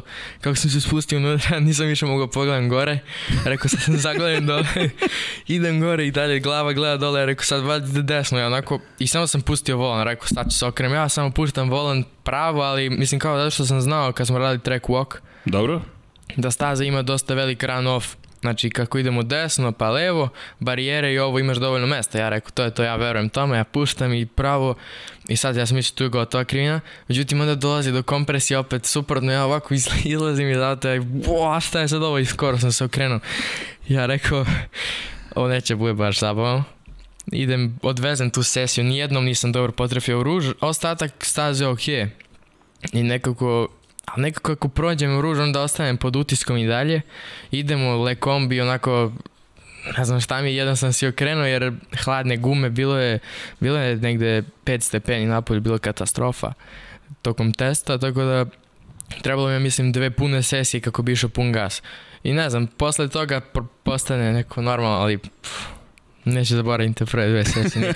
Zašto je oruž, oruž? Jer to se često zaboraviti ta kompresija, zapravo i onda dekompresija. Da. To deluje tako jednostavno na televiziji. Dođeš dole, odeš gore, ne osjećaš sile ubrzanja i odjednom samo se sve promeni. Da, da, mislim, ba nema to nikakvih problema. Međutim, gde sam se pomalo onako uplašio je kada sam tek došao na stazu, radili smo ovaj korona test pošto je bio uh, World Endurance Championship, nismo mogli sad samo evo, letećemo unutra i to je to, nego oni su isto testirali i samo gledam i kako se ove, ulaz je bio da smo mogli da uđemo kod je ruža. I ta, ta visina i oni idu oko popreko gore, rekao ja ne znam. kako će da prođe. I kako se zove, još nešto zanimljivo, uradili smo test, nije bio niko i ulazi neki čovjek onako čudno obučen, vozač, sed, I sad tu on prolazi, ja rekao, dobro, to ne znam ko je, idem ja polako dole. Završim ja, završi tata i iza nas prolazi neki čovjek, ja sam ne znam ko je, ali vidim neko malo mi je poznat i sad on tata kine ja odvučem i pažnju i taman vidim tog čovjeka ponovo je rekao, pa ovo je Montoya. je rekao, je rekao, sad neću, sad se derem bez veze, možda i nije. Kad ono, ja vidim kolumbijsku zastavu na odelu, ja ono, Juan, i ono, može slika. I, a omiljeni vozač zbog koga sam i počeo vozim je mom ocu bio Juan, eh, odnosno Montoya. Tako ja sam da, Juan Pablo Montoya. On je bio njemu heroj, tako da nije mogla bolja scena za početak vikenda. Ha, i osvojio si po jednu prvoj trci. Da, da, pa dobro, Deset prva trka je bila nisam znao šta da čekam, zato što da očekujem. Prva, prva briga mi je bila da li ću uopšte potrefim grid box. Jer ja nisam uopšte znao. Znači mi sada imam vozača ispred, ja sam uvijek pitam, dobro, ja ću da gledam kada se onaj vozač ispred vozača koji ispred mene odvoji, ja se odvojam. Sad, ali ček, kako ja znam kad je on stao, jer možda on samo usporava. I, a s desne strane su bili oni ljudi što drže, maršali što drže kao oznaku... Da, da, redari stoje na svakoj da, da. liniji. Tako I kako se ove, ja sad razmišljam, dobro, ja sam neparna strana, znači ja trebam uporedu sa tom, ali kako ja sad znam da je to moja linija, onda sam imao toliko stvari nepodrebnih na umu, A na kraju to je dosta prosto, samo gledam onu žutu liniju, nekako ovako izdigam glavu, gledam, nađem, stanem i rekao, valjda to to, to je prvi korak. Drugi korak da ne ugasim, auto, da ne ugasim bolid kada pustim hvačilo, rekao, ako to prođemo, to je to. Trka će valjda put kako treba. I ja to sve prođemo, prođu me u ruž i rekao, sad trka će bude sasvim ok. I to je bilo dobro. I do zadnjeg kruga ja sam 11. Obiđem za desetu, on mi vrati, izgubim ga i ja rekao to je to, sad nema nike šanse. I onda zadnji krug, mm, mm, ulazim u bus stop, ali nenormalno, ja sam bio nekih 100 metara iza, nije, nije delovalo realno, ali prosto želja za prvim pojenom je bila prevelika i mislim, možda neću da imam više ovakvu šansu tokom mog vikenda. Rekao, ajde uletim unutra kako bude. Pa sam vam video, sad ne znam gde je, ali da, ima mi taj video Ja sad kad bi to morao da ponovim, ne bi nikad ponovio. Ne znam, prosto kako se to desilo. Ponelo te. Pa, da imamo neke videe, samo što nemamo pravo da ih puštamo, je li tako? To smo da. mi ili ne, ne bi trebalo da ne, ih puštamo? Ne, videi mogu da se puštaju. Mogu da se ja sam puštaju. javio da uh, jedino je problem, na primjer, sam start da se pusti, jer uh, onda drugi tim mogu doći do informacija, a ja sam posle neka preticanja i bilo je tu par sudara. Ima jedno preticanje konkretno iz uh, Hereza, uh, poslednja krivina, krivina Jorge Lorenzo. Takođe ne znam šta sam uradio. da, okej, okay, ja se nadam Vanja da možeš da pronađeš, to ti je jedan onako ulaz. Don Palmo, možete da pomognete Vanje oko, oko Hereza, da, da ono preticanje ima jedno gde Filip, za one koji prate MotoGP pogotovo, pošto se Formula 1 tamo nije vozila od 1997. i čuvenog duela između Žaka Vilneva, šampiona te sezone i Mihaela Schumachera, ali taj ulazak u krivinu u levo i taj oštar, da. taj moment, ja, ja gledam i okolo, oh, Herez, I, i, pošto nisam pročitao šta je, Rekao, Jerez, kako je ovo izveo? Ono je izgleda fenomenalno, mi bacit ćemo pogled da, na to. Pa, prosto, Ne, ovo je sudar, ne, ovo je sudar. Ne, ne, ne, ovo je isto Jerez, ali nešto drugo. Ti si ovaj što je poleteo. Šta se ovde desilo? Mm, pa ovde, kako se zove, bilo je da, mislim, na kraju svi smo bili kod ovih uh, direktora trke, znači ja i ostala ekipa što smo sudarili. Ja sam mislio, dobro, ja se ne sećam tačno kako je bilo, zato što prosto promenio sam pravac, mislio da ima mesta, odjednom vidim nema mesta i tu je došlo do sudara. Ti si bio sa, sa spoljne strane, da, ja otišao si na unutrašnju. Da, da. I... Znaš kako je meni delovalo? Evo da vidiš tumačenje sa strane, da, pogled da. sa strane, koliko može da bude potpuno drugačije odnosno na vozača. Ovo je meni super i zato što mi ne, nemamo priliku da pričamo sa vozačima Formula 1 i kad imamo ne, ne verujem da bi smo baš došli do ovih razgovora, ali stvari sledećem, deluje mi kao da veruješ da će se on vratiti levo, da ćeš ti da, da. onda sa unutrašnje. Pa na snimku se vidi da on kreće levo, to je bio trenutak kad sam rekao dobro, ja sedim desno. Međutim, on je pokrio celu desnu stranu i ja kad sam već krenuo na kočenje tu već bilo gotovo, ja sam bio u vazduhu i rekao ja sad više nemam kontrolu. I kako se zove, posle toga mi se sudarimo ja rekao vidim ono, su delovi na svuda po stazi, rekao šta sam uradio, gledam točkovi se svi iskrivili, ja rekao dobro, šta god, gledam ono, svi dižu ruke, ja isto dižem ruke čisto, jer ja uopšte ne znam ko je sad tu tačno kriv, prosto bio sudar velik, ali ja sam bio siguran da unutra ima mesta i kako se zove idem ja, to je bio neki Rus i kako se zove dođem ja da mu se izvinim i on kaže ne, ne, kao moja krivica, ja sam gledam kako tvoja krivica kad sam ja prešao preko tebe, kako se zove preko kacige mu je ostalo moja točka, oh. ovaj svuda ovako ostaje linija mog točka Izvini, nek, nešto nam je upalo kao da je pokupio neki od elektronskih uređaja, nešto nam je ušlo bilo u sistem. Da. U svakom slučaju, e, ali sve je okej, okay, ne brinite. Ali šta da. kaže, on je kriv. Da, ja prilazim i kaže ja sam kriv. Ja kažem kako, kako sad, e, mislim ja ono rekao da, ali kao ja, ja sad ne znam šta da kažem, tu smo nešto pričali, ali on kaže ne, ja sam na kočenju uradio, uh, promenio sam putanju, što sam ja otprilike pretpostavio, da pretpostavio da međutim desiti, nisam da. mogu da tvrdim. Ja sam rekao dobro, i ja ono, kažem, ali mu se opet izvinim jer sudar bio prevelik, i sad gledam kako je ovaj iza nas ispao, međutim on nije imao gde i razvalio je levu stranu i nije imao skretanje. Ovde nam... Kako se zove? Da, i, i? Da, da, i ništa, je, odemo, mene odvezu u uh, u, am, u ambulantu, zato, zato, zašto sam imao neku povredu kako se zove prsta, jer kako sam poletao ja onako razmišljam o toliko stvari, a prvi mi je bio veliki sudar i ja onako ostavio desnu ruku na volanu i sada, ali ja sam mislio, ja sam već poletao, ja sad idem preko. U jednom trenutku mene lomi u desno i ja šta sad bi i u tu me odvali, ja rekao dobro nije ništa loše pa me baca nas direkt šta se dešava više gde sam ja? Bum ja onako završam u um, ja rekao, a u, šta sam uradio? Ja sad rekao, kako ću ja sad imam kaznu za sledeću trku, a startujem negde 11. tako, ne bi bilo, le, uh, ne, gde sam, da, 11. Ja rekao, Ne, 12. 13. Ja sam rekao, ako sad još dobijem i kaznu, pa se začelja, mislim ne bi baš bio začelja, ali bilo bi... Bilo bi loše. Da, bilo bi jako loše. I kako se zove, ja vidim, prosto on meni kaže, on je kriv, ja rekao, dobro, ali kao i malo i moja krivica, jer glupo mi sad ja prosto preko čoveka kažem nije moja krivica.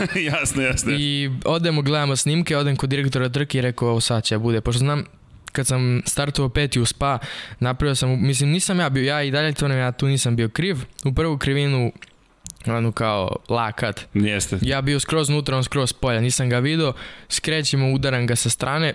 Međutim, ja sam bio tamo gde sam trebao budem, okrećem ga on kaže, nije to toliko tvoja krivica koliko je samo, jer kao ne želimo da se to dešava tokom sezone i ti si sad primjer drugim vozačima da ne smije se udaraju u prvoj krivini. Ja rekao, pa te sam ja sad baš primjer. dobijam, za sledeći vikend dobijam tri, tri, tri mesta kazne i rekao, ako sam za ono dobio tri mesta kazne, ko znam šta će bude za ovo. I on meni pokaže ovu kameru što sam vama pokazao i kaže, prvo mene pitu kako sam ja vidio sudara, kažem, ne, ja sam odlučio idem levo, on je zatvorio po sredini, vidim skreće levo, ja odem desno, nema mesta i sudar. I on kaže, to si super opisao jer je tako je bilo. Ja rekao sad, ok. I pokazuje mi snimak, kaže kao lepa je bila borba jer pola kruga smo se mi tu borili, kaže lepa borba i sad ovaj incident, ali kaže nije to bio, nikog ne mogu oni da okrive.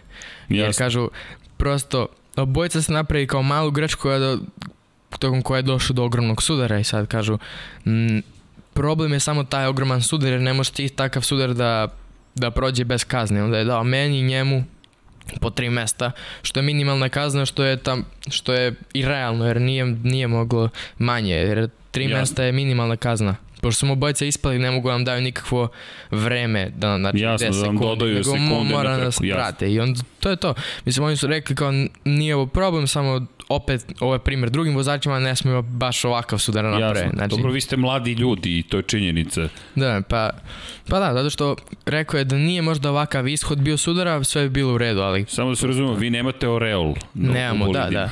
I onda smo opet došao do zaključka da, da bi Halo ili Oreo, ne znam kako da. god. Halo, Oreo su u da, slobodnom god, prevodu. U svakom slučaju to bi Mislim, on, ništa mu se nije desilo, međutim, preko kacige ostalo mu je, znači, pola kacige je bilo ofarbano, pola kacige je bilo crno zbog mog točka, odvalio sam mu ove zadnje, mislim, ja nemam te spoilere, ali ima na ovoj kacigi pored. Da nema ni spoiler tu, vizir Koja isto. Kaciga? De...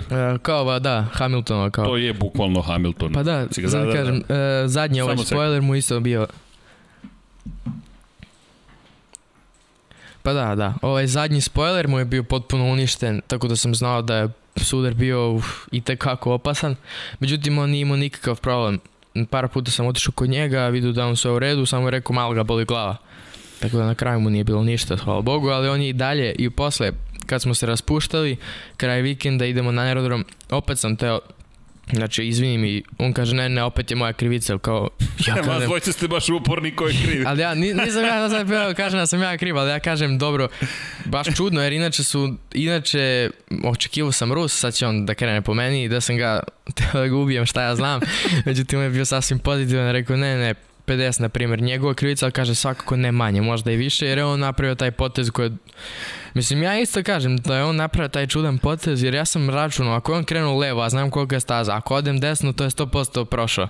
To, mislim, ja sam 100% prošao i to je to. Međutim, nije bilo nikog mesta, a prešao pravo preko njega i to je kraj. Čudno mi ovo zvuči, Rus, to je ta slovenska krv, misliš, proradit će sa da, svih da. strana. A kako se zove, a, ovaj treći vozač u sudaru pogleda kacigu i krenuo se smeja, šta je smešno, skoro si ubio Rusa.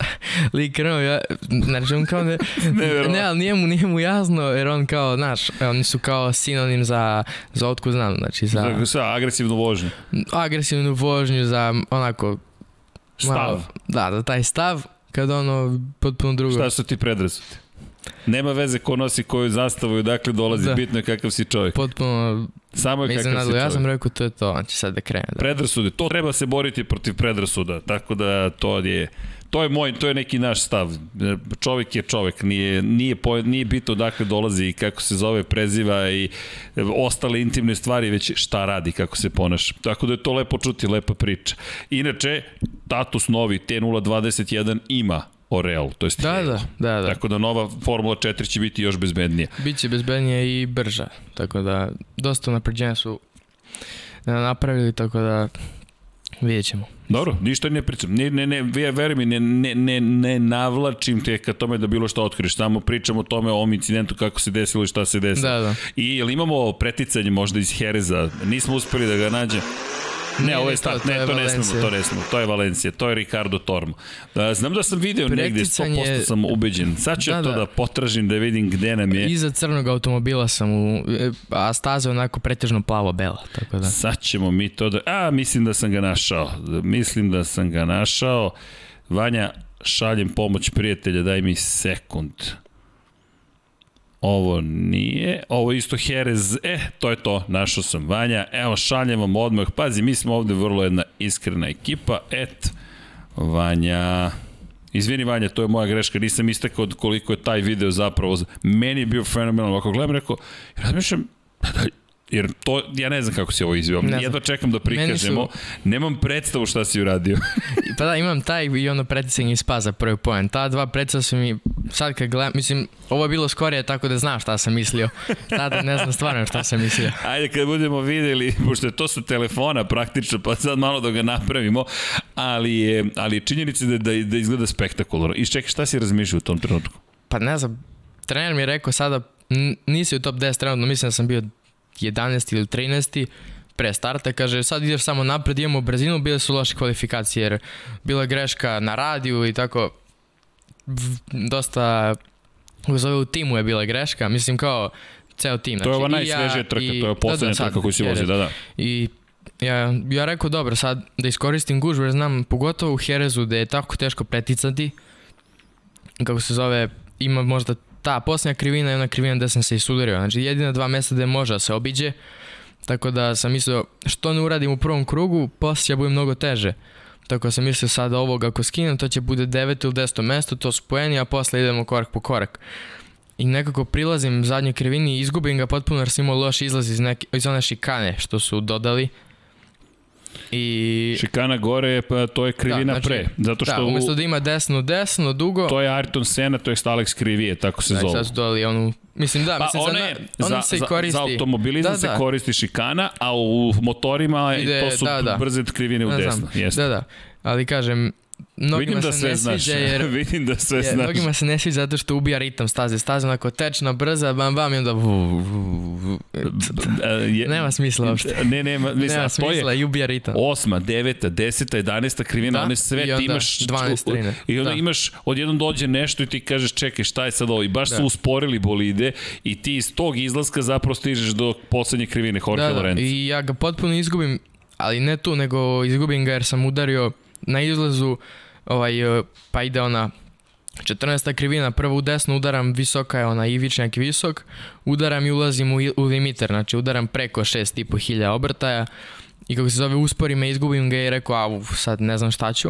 I rekao, ajde sad vidjet ću, možda ću dužnje, ma možda i ne. I idem, idem, idem, odjednom vidim, dobro, ovaj koči, i rekao, pa idem ja, ja samo ulećem unutra, ne znam ja, rekao, sad ću da ubijem nekog, Međutim, taman sam se usporio. To baš nije pozitivno misao. Pa nije, ali ne. Mislim, mislim kao, ne sad ću gubim, nego je rekao sad ću da odletim ko zna gde, jer ne znam, nisam nikad probao, jer tokom treninga... Evo ga taj moment, ovde si već izašao iz, iz krivine.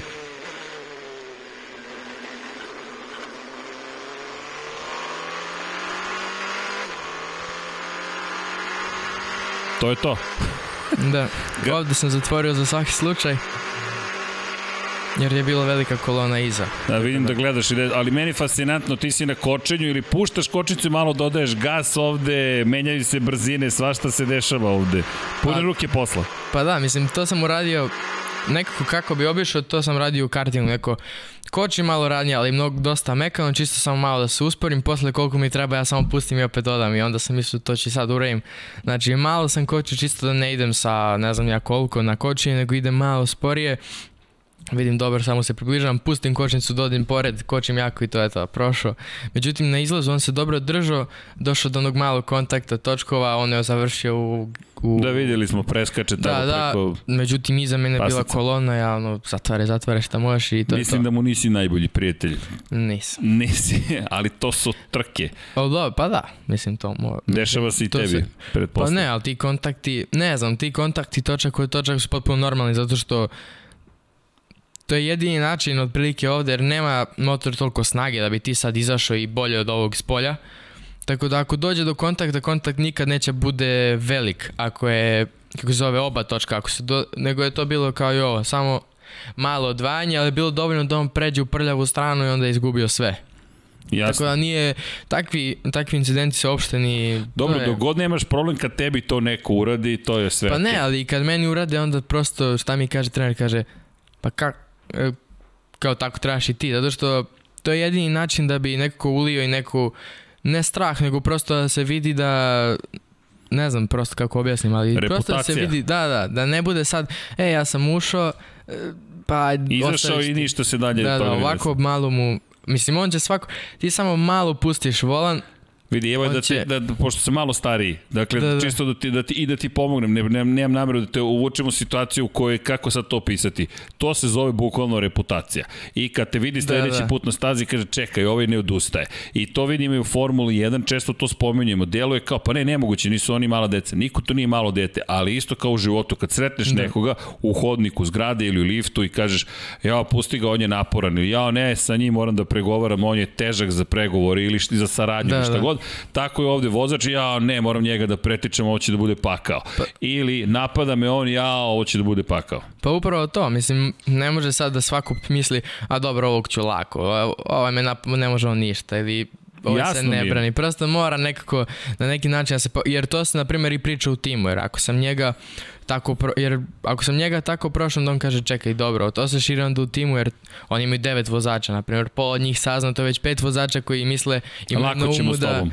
da, ili lako ili obrnuto. Ili obrnuto, da, da, nećemo da, lako s tobom. Pa da, tako da to okay. je bilo... Prave bitke, toga. prave bitke od početka do kraja.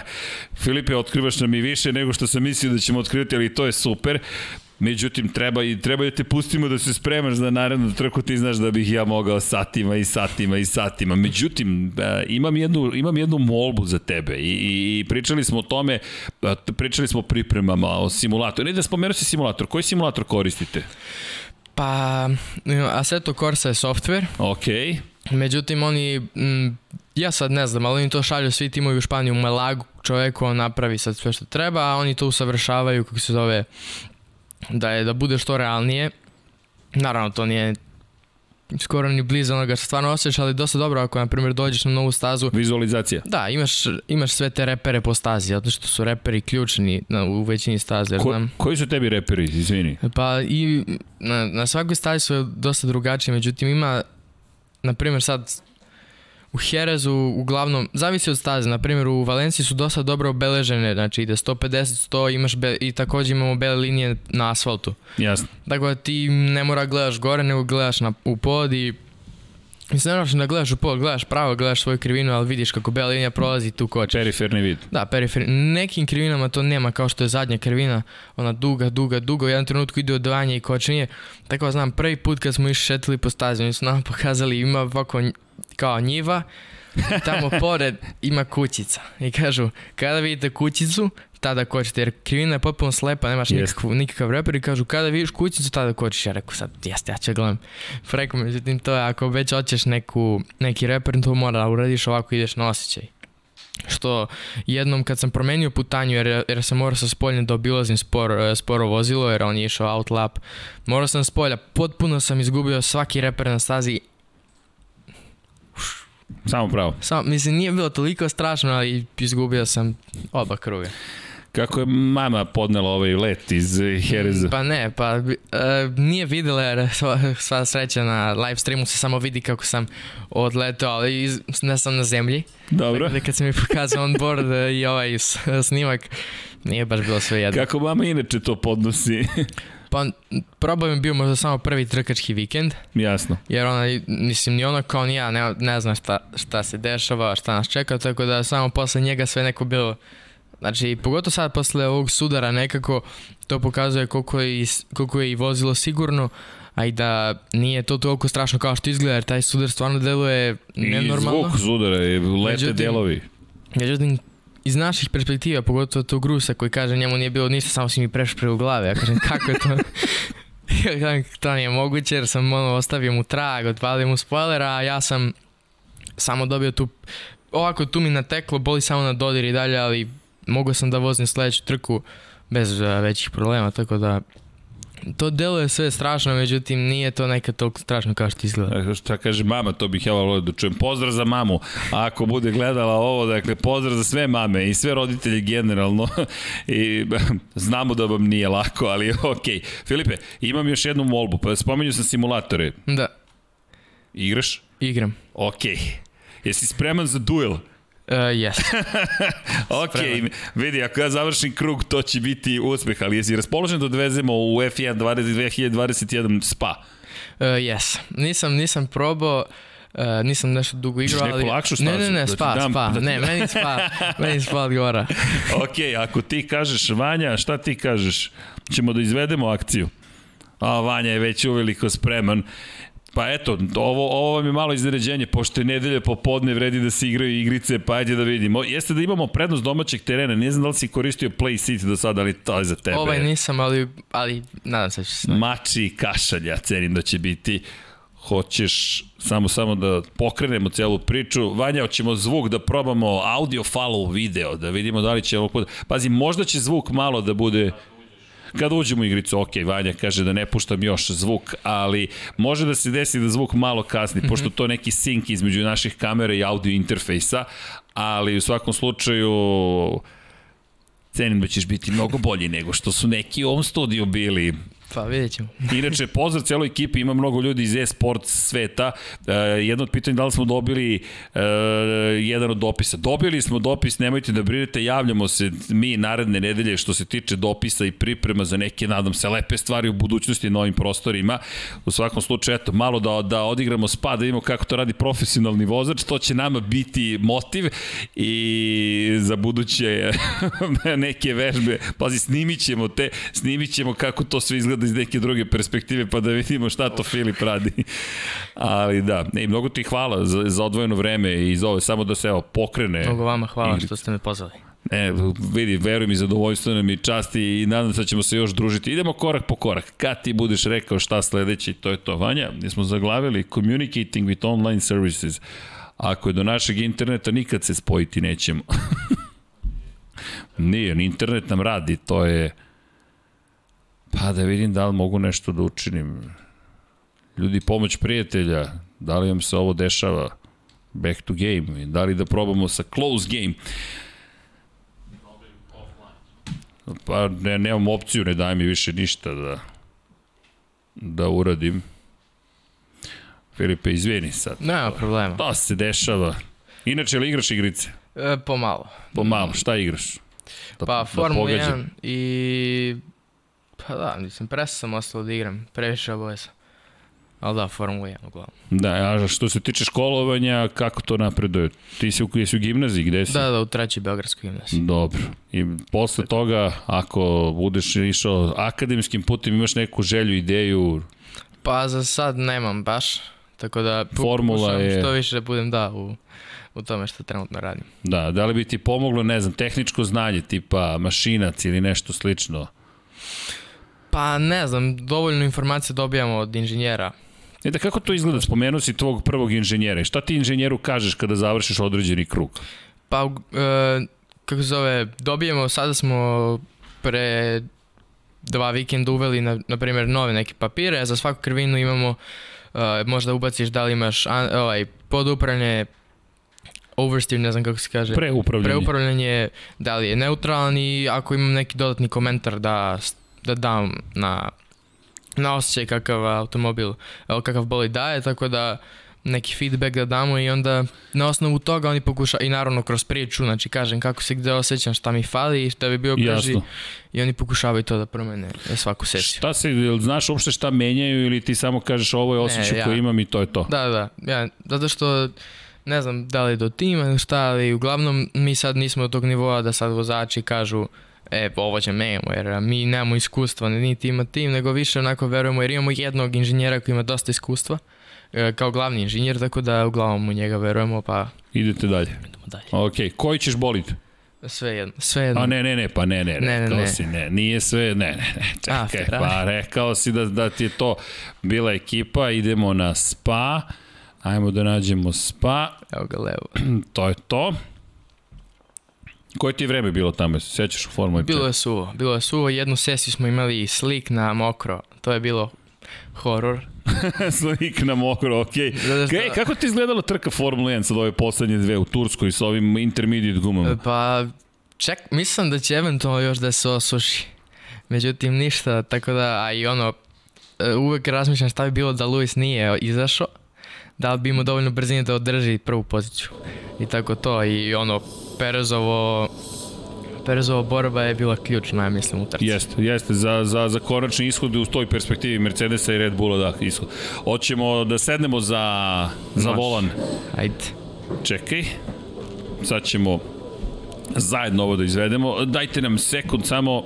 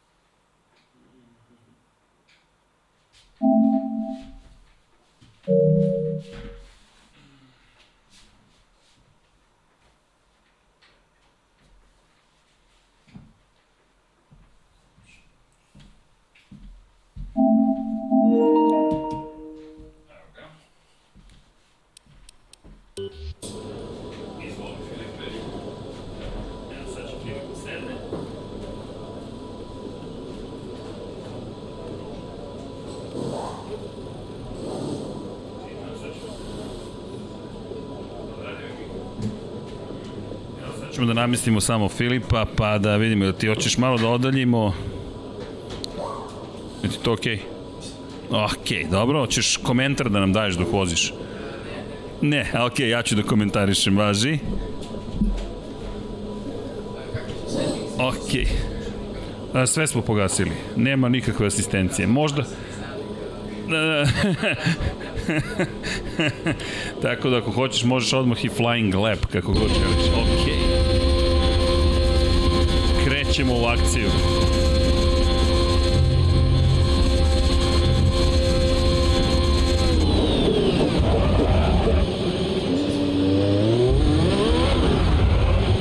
Ok, čekajte, ovo ne vozi srđan, samo da se razumemo. Pazi, možda nešto ima, ali ako hoćeš namesti. Kasni zvuk, da, da, da. Hoćeš da ti isključimo zvuk.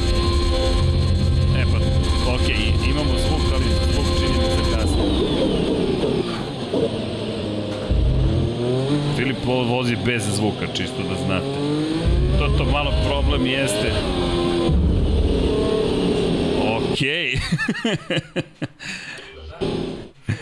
Idemo polako, pazi. No pressure.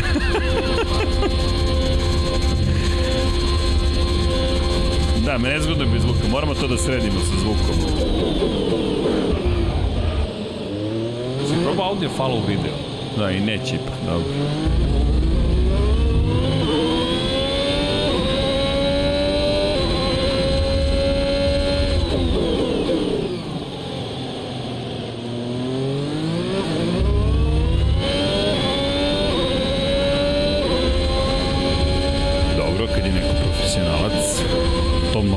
Lepše izgleda. E da, ima Resničanin dobro ime, postavit ćemo ga kasnije.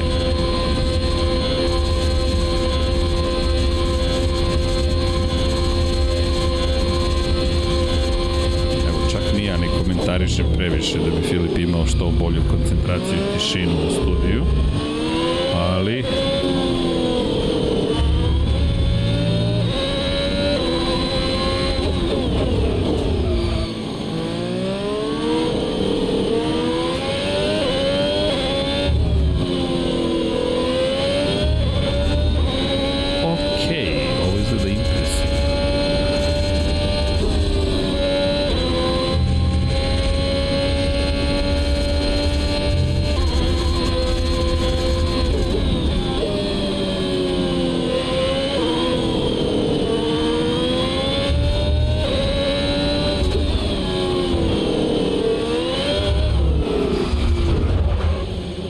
Sve okej, okay, sve okej.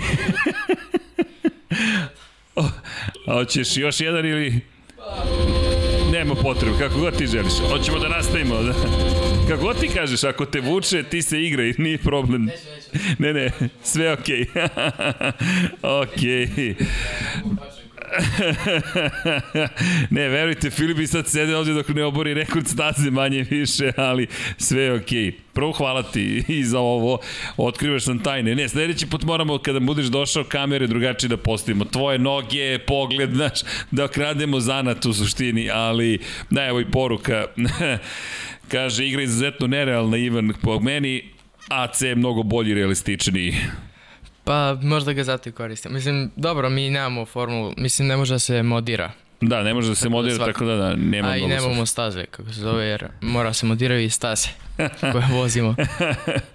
ne, ne, izvini, ja se smem zato što meni ovo, ovo je prosto mi zadovoljstvo viditi tebe i gledam kako prolaziš kroz neke otkrivene i kažem sebi, okej. Okay zaista su godine učinile svoje, nema veze što si profesionalni vozač, znaš, ja da. to, šalim se naravno da ima izgleda fenomenalno. Inače, imaš pozdrav od Resničanina, to je naš kolega, drugar i prijatelj. Ej, zanimljivo pitanje, i donira čovjek 250 dinara. Hvala Resničanin, kaže Filipe, da li si u kontaktu sa Milošem Pavlovićem, da li si dobio neku korisnu informaciju, njega, njegovo iskustvo, pozdrav celu ekipu u studiju. A, pa da, njega sam zaborio, on je meni, kako se zove, pomaže, šta god imam mogu ga pitam tako da uz mene i bit će uz mene kako, do, dok god mi bude potrebno, a mislim da će mi bude potreban, preko potreban do kraja. I pozdrav za Miloša, mnogo, hvala Da, pozdrav za Miloša, mnogo dobar čovek i uvek je tu od, od izuzetne pomoći i kako se zove, da, kako zove i pre trke, pre prve trke u spa sam ga pitao šta da radim, pošto ja stvarno nisam imao predstavu. Ili imaš neka krivina u spa koja, izvini, da, mm -hmm. da, da ne pobegnemo s Milošem. Miloš je inače nekadašnji šampion sveta u kartingu. Da. Mi govorimo o čoveku koji je, koji, mi tad nismo imali studiju, nismo imali Lab 76, ali u kome bismo rado pričali, pričali. Inače, Miloša čekamo da dođe u Beograd, pa se nadamo, e tad deki očekujem i Paja i svi mi da budemo za stolom i ako gledamo Miloša, zato što je Miloš stvarno legenda. Da. I jel ti dao neki dobar savjet, šta ti je rekao? Mm, pa prvo što mi je napomenuo je rekao polako je u ruž, jer ako, ako tu pogrešiš, mislim kao Ne, nego ako tu dođe do neke velike greške, onda je tu kraj. Od breke, okay. tako rekao. Okay. Tako da ukratko mi je samo rekao, a tu ne pravim... Greške. A tu ne pravim greške. a dalje će valjda bude malo lakše. Super. Ništa, ne vidi, mislim ništa. Možemo pričati još mnogo, mnogo, mnogo, ali bih ja iskoristio priliku ako nam daš još desetak minuta, Naravno. samo da publika postavi pitanje ukoliko ima neka pitanja. Meni je prosto zadovoljstvo, da, pogotovo što nam otkriješ neke detalje koje nemamo priliku da čujemo nužno. Većinom i, i vozači kada pričaju sa nama ipak su donekle zatvoreni. Znaš, postoji koliko god da imamo i engleski jezik kao neki zajednički jezik ili razumemo italijanski španski, mada ga samo razumem, ne mogu da pričam. Opet drugačije kada pričaš sa nekim na svom jeziku i kod nekog i ko, s nekim ko na sličan način je rasta u smislu kulturološkom, pa mhm. kažeš, aha, ovo, ovo sam razmišljao, ovo mi se desilo. To je ono što je takođe lepota cele ove priče. Dakle, da eto, ako imate neka pitanja, tu smo. Tu je ceo tim treba, uskoro nam inače stiže i i Gagi, naš snimatelj sa sport kluba, čovek koji... Idemo u Mizano sledeće nedelje. Mm -hmm. Idemo da, da, da, da snimamo posle dve godine najzad. To je, korona je nama isto dosta promenila da. stvari. Poslednja Rosijeva trka u Moto Grand Prix.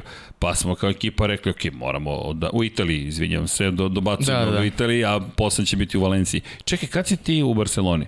12. 13. 14. Tad je trka. Tad bi, tad sada... mi, mi trebalo budemo u Valenciji. Mhm. Mm a, vidi, to je 230 km. Pa. Možda nešto i da organizujemo. Da, da. Pa da, mislim možda sredimo letove, da se poklope. Jer nije uopšte daleko, a i vidjet ćemo. Ima i voz, pazi. Ako da, ne, voz, voz je brzi tamo, voz. brzi voz ide, funkcioniše. da. Evo, pitanja. Uh, pitanje za Filipa, kako njegovi drugari iz škole komentarišu njegov sport? Voće Pero pita. A, pa pošto su mnogi prijatelji došli iz osnovne su bili uz mene, mnogi su već upoznati, podrška su Super. Tako da su uz mene su svi. Pozdrav za Filipove drugare iz treće gimnazije. A, boli li sudari, pita Ivan. Znam da boli, ali od 1 do 10. Mm, pa onako psihički više boli nego fizički. Nekako da. onako malo sam bio potresen i razočaran, ali ovako možda malo, mislim zavisi od većine, ali ovakav sudar kao što sam ja imao Uglavnom ruka. Zato to što se desi. Dobro, da. sad puštaš volan, pretpostavljam. Da, pa mislim, ja sam ga pustio, ali samo sam desni još držao. ne znam zašto, nekako... Pa ma, instinktivno, verovatno. To, još ja, pita me trener, da li si mislio, ja, ja sam krenuo da skrećem, kao da ga, ali on pita da si ti mislio, ti možeš da... ali dobro, to, je, kažem, to je pa ja znam da ne mogu, ali... Ti ja kao... letiš u tom trenutku, ali djeluje da, kao... imam, imam kako se zove preupravljanje. Javno hoću ga vratim, ali nema nikakvu, nema reakcije. Izvini što se smijem, ali zdrav si, prav si, živ si, ovde si sa nama, pa mi onda to, da li to je ljudska reakcija, hoćeš da i dalje ne, upravljaš? Ja sam, I onda kad me je odvalilo, tu je bilo malo, ali dobro, samo je udarilo po, ne znam kako se zove, ali po prstu. Po prstu, da, dobro. Po prstu, tako da. E, Pita Krkan kaže, koja ti je staza najdrža od do sada mm. loženih? Između Portimao i Spa se dvomim, jer Portimao je bio fascinantan. Šta je fascinantno kod Portimao? Pa promena visina je bila nenormalna i staza je toliko tečna i brzo, ne znam, neko dosta mi svila. Tako da... A ona poslednja krivina tamo, prelazak poslednjoj krivini, da, kad po... se spustiš pa se popneš pa se spustiš prva. Pa da, poslednja krivina je meni sviđa, gumama ne. Aha, okej. Okay. gume ne vole, gume ne vole. Uh, kada je sledeći trkački vikend? Pa to, 12. 13. 14. novembar da. je sledeća trka. Tako da, i gde mogu da se prate trke? E, trke mogu da se prate na Formula 4 Spanish Championship YouTube kanalu i kako se zove, ima live stream svaki put kada je svaka trka. Tako da do sada smo na svakom vikendu imali prenos trka. Na engleskom sad su dodali i engleski jezik, na početku je bilo samo španski. Evo da postavimo i link, ja mislim da sam pravi postavivanja, ubacio sam link. Evo ga, Filipe, kakav ti je način fizički pripreme određeni treninzi? Pa onako, vežbam, na primjer, mislim svako treba skroz da se bude u formi, ali najbitniji su vrat, uh, ramena i kako se zove grudi poprilično zbog uh, pošto to sam baš se sećam prvi put kad sam ostio onako blagi bol u grudima od napora je bilo u spa uh, osma krivina, znači to je ne znam kako se zove, da li se zove mm, znači posle Le Comb posle Le Comb kad desno, se spustiš pa onda dole. desno kao kao lakat, onako malo duži dupla kao mislim kao mm, mislim da se zove Brisel krivina nisam siguran Spa, čekaj sad si me zbolio. Znači ide Le Comb, pa desno i onda ona koja, kao lakat u desno koji se vraća. Dole, da, pa da, ideš da. desno pre nego što kreneš ulevo ka ponu. Da, da, da. da. Dole, Čekaj da vidimo. Dobro, prošlo si Les Kombi krenuo dole. To bi trebalo da je Brisel. To da, bi trebalo, da, da, to bi pa trebalo da je Brisel. Brisel, da, da. Brisel, Brisel. To je onako malo da. duža da. krivina. Bila je duža i onda sam u, u zadnjem delu onako ostio kako me ovako kao malo uhvatio grč. Rekao šta je sad ovo? Ali dobro, prošlo je odmah. Ali tu, tu sam, jer znam, pre nego što sam se spremao, meni su pokazivali kao koji su najbitniji delovi i baš spomenuli ovaj deo kako se zove grudi. Kako to vežbaš? Uh, Pa sklekovi, sklekovi su uglavnom onako univerzalna vežba za sve. Tako sklekovi, mislim što god mogu da stignem da radim sa body weight vežbe i tako da. Dobro. Evo subscribe-ovali smo se mi na YouTube kanal. Imaju jednog subscribera više, Infinity Lighthouse. E, ima još pitanja. Kaže, koju si najveću brzinu postigao u, do sada u Formuli 4? Mm, pa bilo je u Spa, i sad nisam siguran da li je bila pre bus stopa ili na Camel, na Camel pravcu. Čini mi se uh, e, 240 i malo, ali 240 da, okay. manje Dobro, tamo Blanchimon kad se prođe pa da. ideš ka, ka... Da, da. Kakav je Blanchimon? Pa, m, prvi put kad se prođe malo ne znam, de, ne znam šta se dešava, ali onako posle postaje normalan, međutim samo ne sme se takne ona iznutra uh, ivičnjak, a tako da sad, ok, posle par kruga, da, ali Puhon, da, to. Puhon i, i Oruž su definitivno, jer Puhon nije toliko težak možda u razvijenim bolidima, ali ovaj naš je bio to, to je bila muka. Naj, meni je to bila najteža krivina na stazi. Zato što uđem unutra, onda preupravljanje svako mora se desi, to mora se kontroliše, pa na gas pri preupravljanju to je bila katastrofa. Tako da nekako, a još ako nemaš iskustva, onda i ne veruješ bolidu. A prva ti je trka u Formuli 4. Ja sam rekao... prva da. trka u Spa. Da, mislim, u drugoj trci kad smo bili, tu sam i izgubio. Mislim, ja sam bio jedini na starim gumama jer smo spremali nove gume za trku gde startujem peti, tako da nisam imao očekivanja, ali sam bio negde deseti sa starta sa 15. rekao, ok, ovo je dobro, i onda ulazim u, u Blanchimon potpuno je mašim, gubim kontrolu, uzimam one, kako se zove, oni marbles kao sa strane. Ja. Uh, šljunak podižeš. Pa nije šljunak, šljunak nego misliš ono, gume, od gume, od što je ostalo. Pa nemamo pravi prevod, dajmo da ga smislimo, ali ostaci od gume u da, svakom slučaju. Gume. Okay. I Gumeni strugotina, klikeri, strugotina, da. Ne, ne znam, i onda to sam pokupio i onda sam izgubio sve i ali da Puhon je bio dosta težak. Uh, pitanje pratili Filip Moto Grand Prix Trnjan pita. Pa pratio sam ga do prošle godine, međutim ne znam, sad nekako poklapaju mi se vikendi svakako sa Bukvalno trkama MotoGP-a i Formula 1 i onda i Formula 1 koliko toliko je veća zainteresovanost kod nas u boksu, onda uključimo i gledamo tokom pauze. Tako da to mogu da ispratim MotoGP, ne, nešto ne gledamo mnogo, više svi prate rezultate jer ono nije to ono što mi trenutno radimo tako jasne, samo jasne. tako poklapaju se vikendi i teško je. Jesi navijao za nekoga? Pa sviđa mi se Rossi svakako kao i većini, ali da, on mi je bio onako heroj. Ok. MotoGP-a. Ide u penziju. Ništa, da. šta da ti kaže, posle trke voz do Valencije pa da vidimo gala veče ako bude da Kažem, dolazi nam jedan poseban gost. Sa, sa COVID protokolima ne znamo kako će se šta dešavati, ali vidi, na, na vezu, kažemo, vozi u špan, šampionatu Španije, u Formuli 4, pa eto, da upoznaš heroja. Ako bude izvodljivo, naravno. Pa da, pa vidi, potrudit ćemo se. Pa, kad smo već tu. Kad smo već tu, da. Može, Lab 76 sa staze. Filip Jenić. Što da ne. Što da ne. Ali do, vidi, čujemo se, dopisujemo se, još ćemo da pravimo Naravno. akciju. Uh, zatim, nemam pitanja, samo mogu da konstatujem da je Fili sjajan dečko, da mu poželim puno sreće u budućnosti i karijeri, sve najbolje outsider. Hvala. Pozdrav za, za outsidera. E, da ne propustim neko pitanje. E, Joc Joc pita, da, koje je tvoje mišljenje o Lewisu Hamiltonu? Pa, mrzeo sam ga od početka jer je Masiju za titulu, tako da. ok, ovo je baš onako iskreno, ali mržnja je jaka ali, reč. Ali ne, ne, e, mislim, Nisi mrzeo sam ga, ne, možda. ne, tad sam ga mrzeo, kad Aha. sam bio mali, mrzeo Aha, okay. sam čoveka da što je Masija, a ja sam imao koliko, čet, tri godine kad mu za titulu, to me neko pratilo. Međutim, sad što sam stari onako, mislim, nije više mržnja, samo prosto, nije mi ni favorit, ali onako uživam sad, pogotovo dok se bori sa Maxom, tako da nemam ništa, ništa negativno o njemu baš. Dobro, Nego, sad pretpostavljam da gledaš više veštinu vozača. Pa da, zato što sad, kad je otišao masa, meni to sad nekako kada se startuje, ja onako nekako gledam bezosećajno samo, ok, wow, neverovatno. Ali da, da tamo budeš da pobeđuješ, to je cilj. Da, da. ok, a sad ova bitka, imaš za, koga, za koga si, Hamilton, Verstappen ili imaš uopšte Pa ne, ja samo želim da se do samog kraja, do Abu Dhabija se bore. Okay. To je meni neka želja, jer... A, Univerzalna želja. da, ne bi, ne bi baš sad od sad neko da odskoči i onda ubije potpuno borbu. Nego više bude Rosberg Hamilton do kraja. Ok, do poslednjeg kruga da se ne zna. Da, da. Ok. E, kako biti brz u kartovima? Kvali krug, ne trka. Miki pita. Pa ne znam, po nekom... Mm, ne znam, ja sam imao neki osjećaj, ali prosto pogode se linije, uh, možda se pogleda neki video na YouTube-u da se vidi prosto Šta je taj? Ja, ja kočenje, gas, pa, krivina. kočenje je u re, pogotovo u rentalima samo da se ne gubi br, ubrzanje tokom krivine. Eto.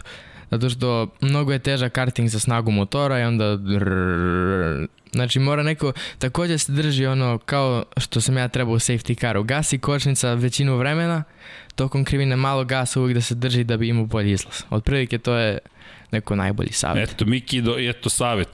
Kaže, da li postoji David Opačić nešto kao zajednica da uradimo da finansijski bilo koji drugi način pogoramo Filipa ka svetskom prvenstvu?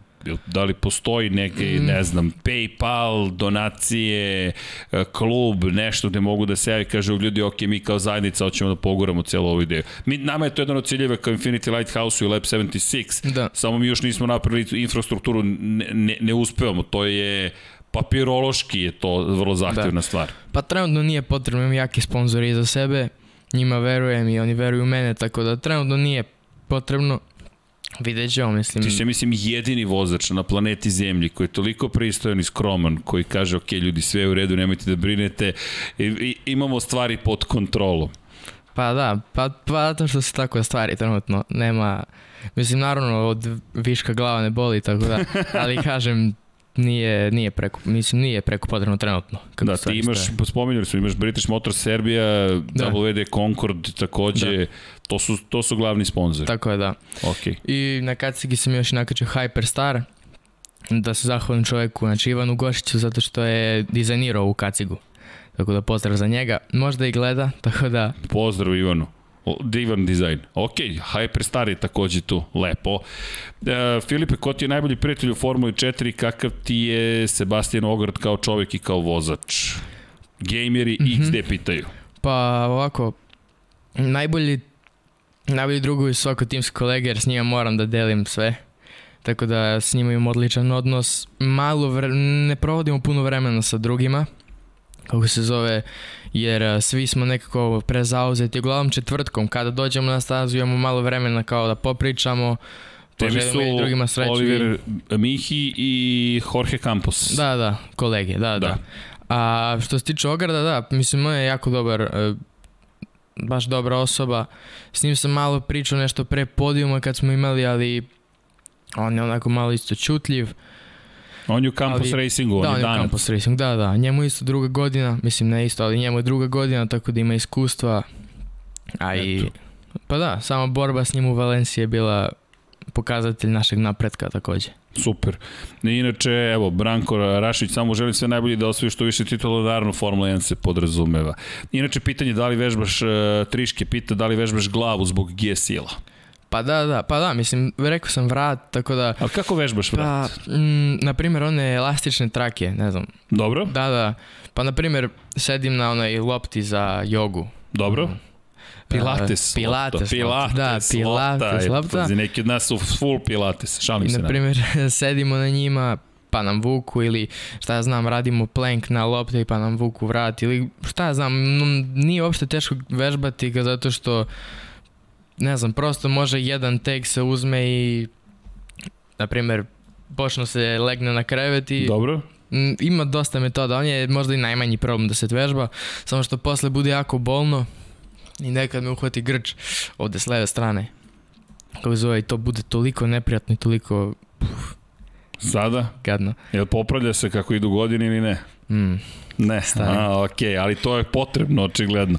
Pa da, moram, mora, zato što vrat je nekako je najbitniji. Pogotovo, da, tr, e, stazi kao što Portimao Spa, dosta brzih, dugih krivina, to zahteva još... Trke nisu pretrano duge, ali tri trke po 25 minuta i ono, Dobro, Tako zadivljujuća da. fizička priprema, na primjer, kod vozača Formula 1, kada da, da. pogledaš da. šta, koje su sile ubrzanja u pitanju bočnog, preko pet sila zemljene teže negativnog ubrzanja. Znam da je Sebastian Vettel pričao tu priču kada je prvi put kočio u bolidu Formula 1, kako mu je glava samo potonula i kako je gledao dole, zapravo nije mogao da podigne glavu. Pa da, mislim, ja kad sam seo u Formulu 4 nisam uopšte očekivao nešto, bog na šta, ali kako se zove, samo kako sam menjao brzine, već tu sam nekako, izlazim iz boksa, menjam brzinu i glava, samo, rego, pa je sad, prvo što mi je prošlo kroz glavu je, ako ja sad u ovome posvetim život, ja sad svaki put kada menjam brzinu, to moram da doživim. mislim, to sad, ne znam.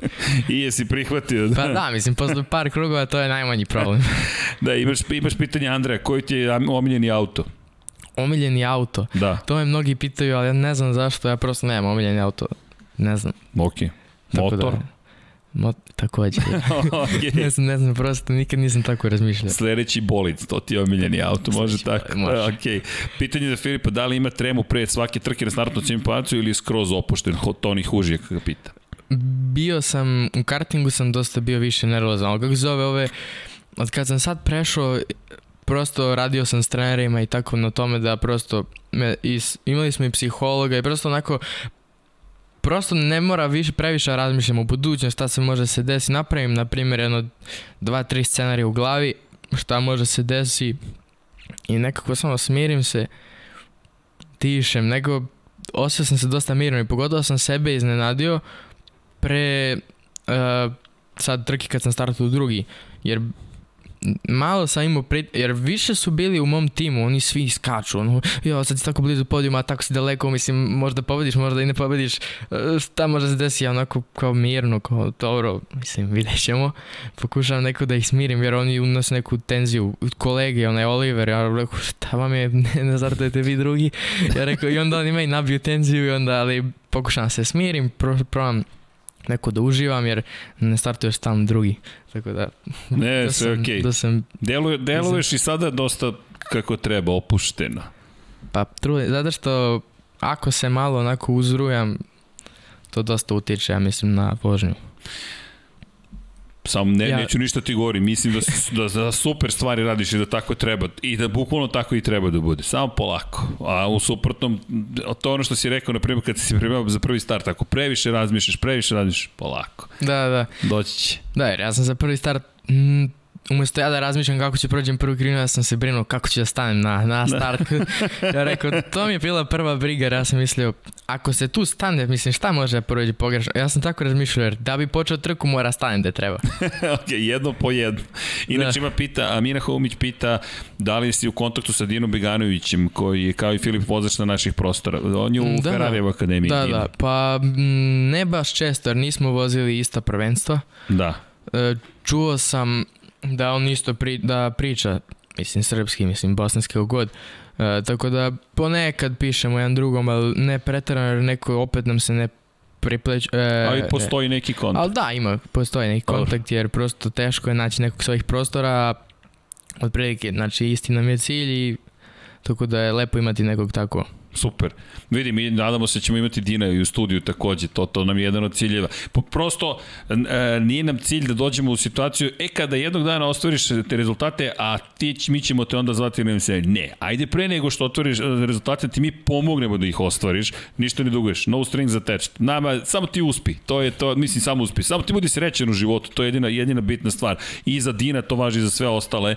E, tako da nadam se da ćemo znaš, postići svi zajedno taj cilj da i vi imate mogućnost da, da, da se zna više za vas, pošto za, mm za vas se ne zna, to je samo moje mišljenje dovoljno, pa smo mi da dali sebi za pravo da, da. popularizujemo što vas, što ceo automotosport, ljubav prema sportu i sve ono što, što, što mi doživljavamo kroz ovo što radimo. E, omiljena krivina u celom motosportu.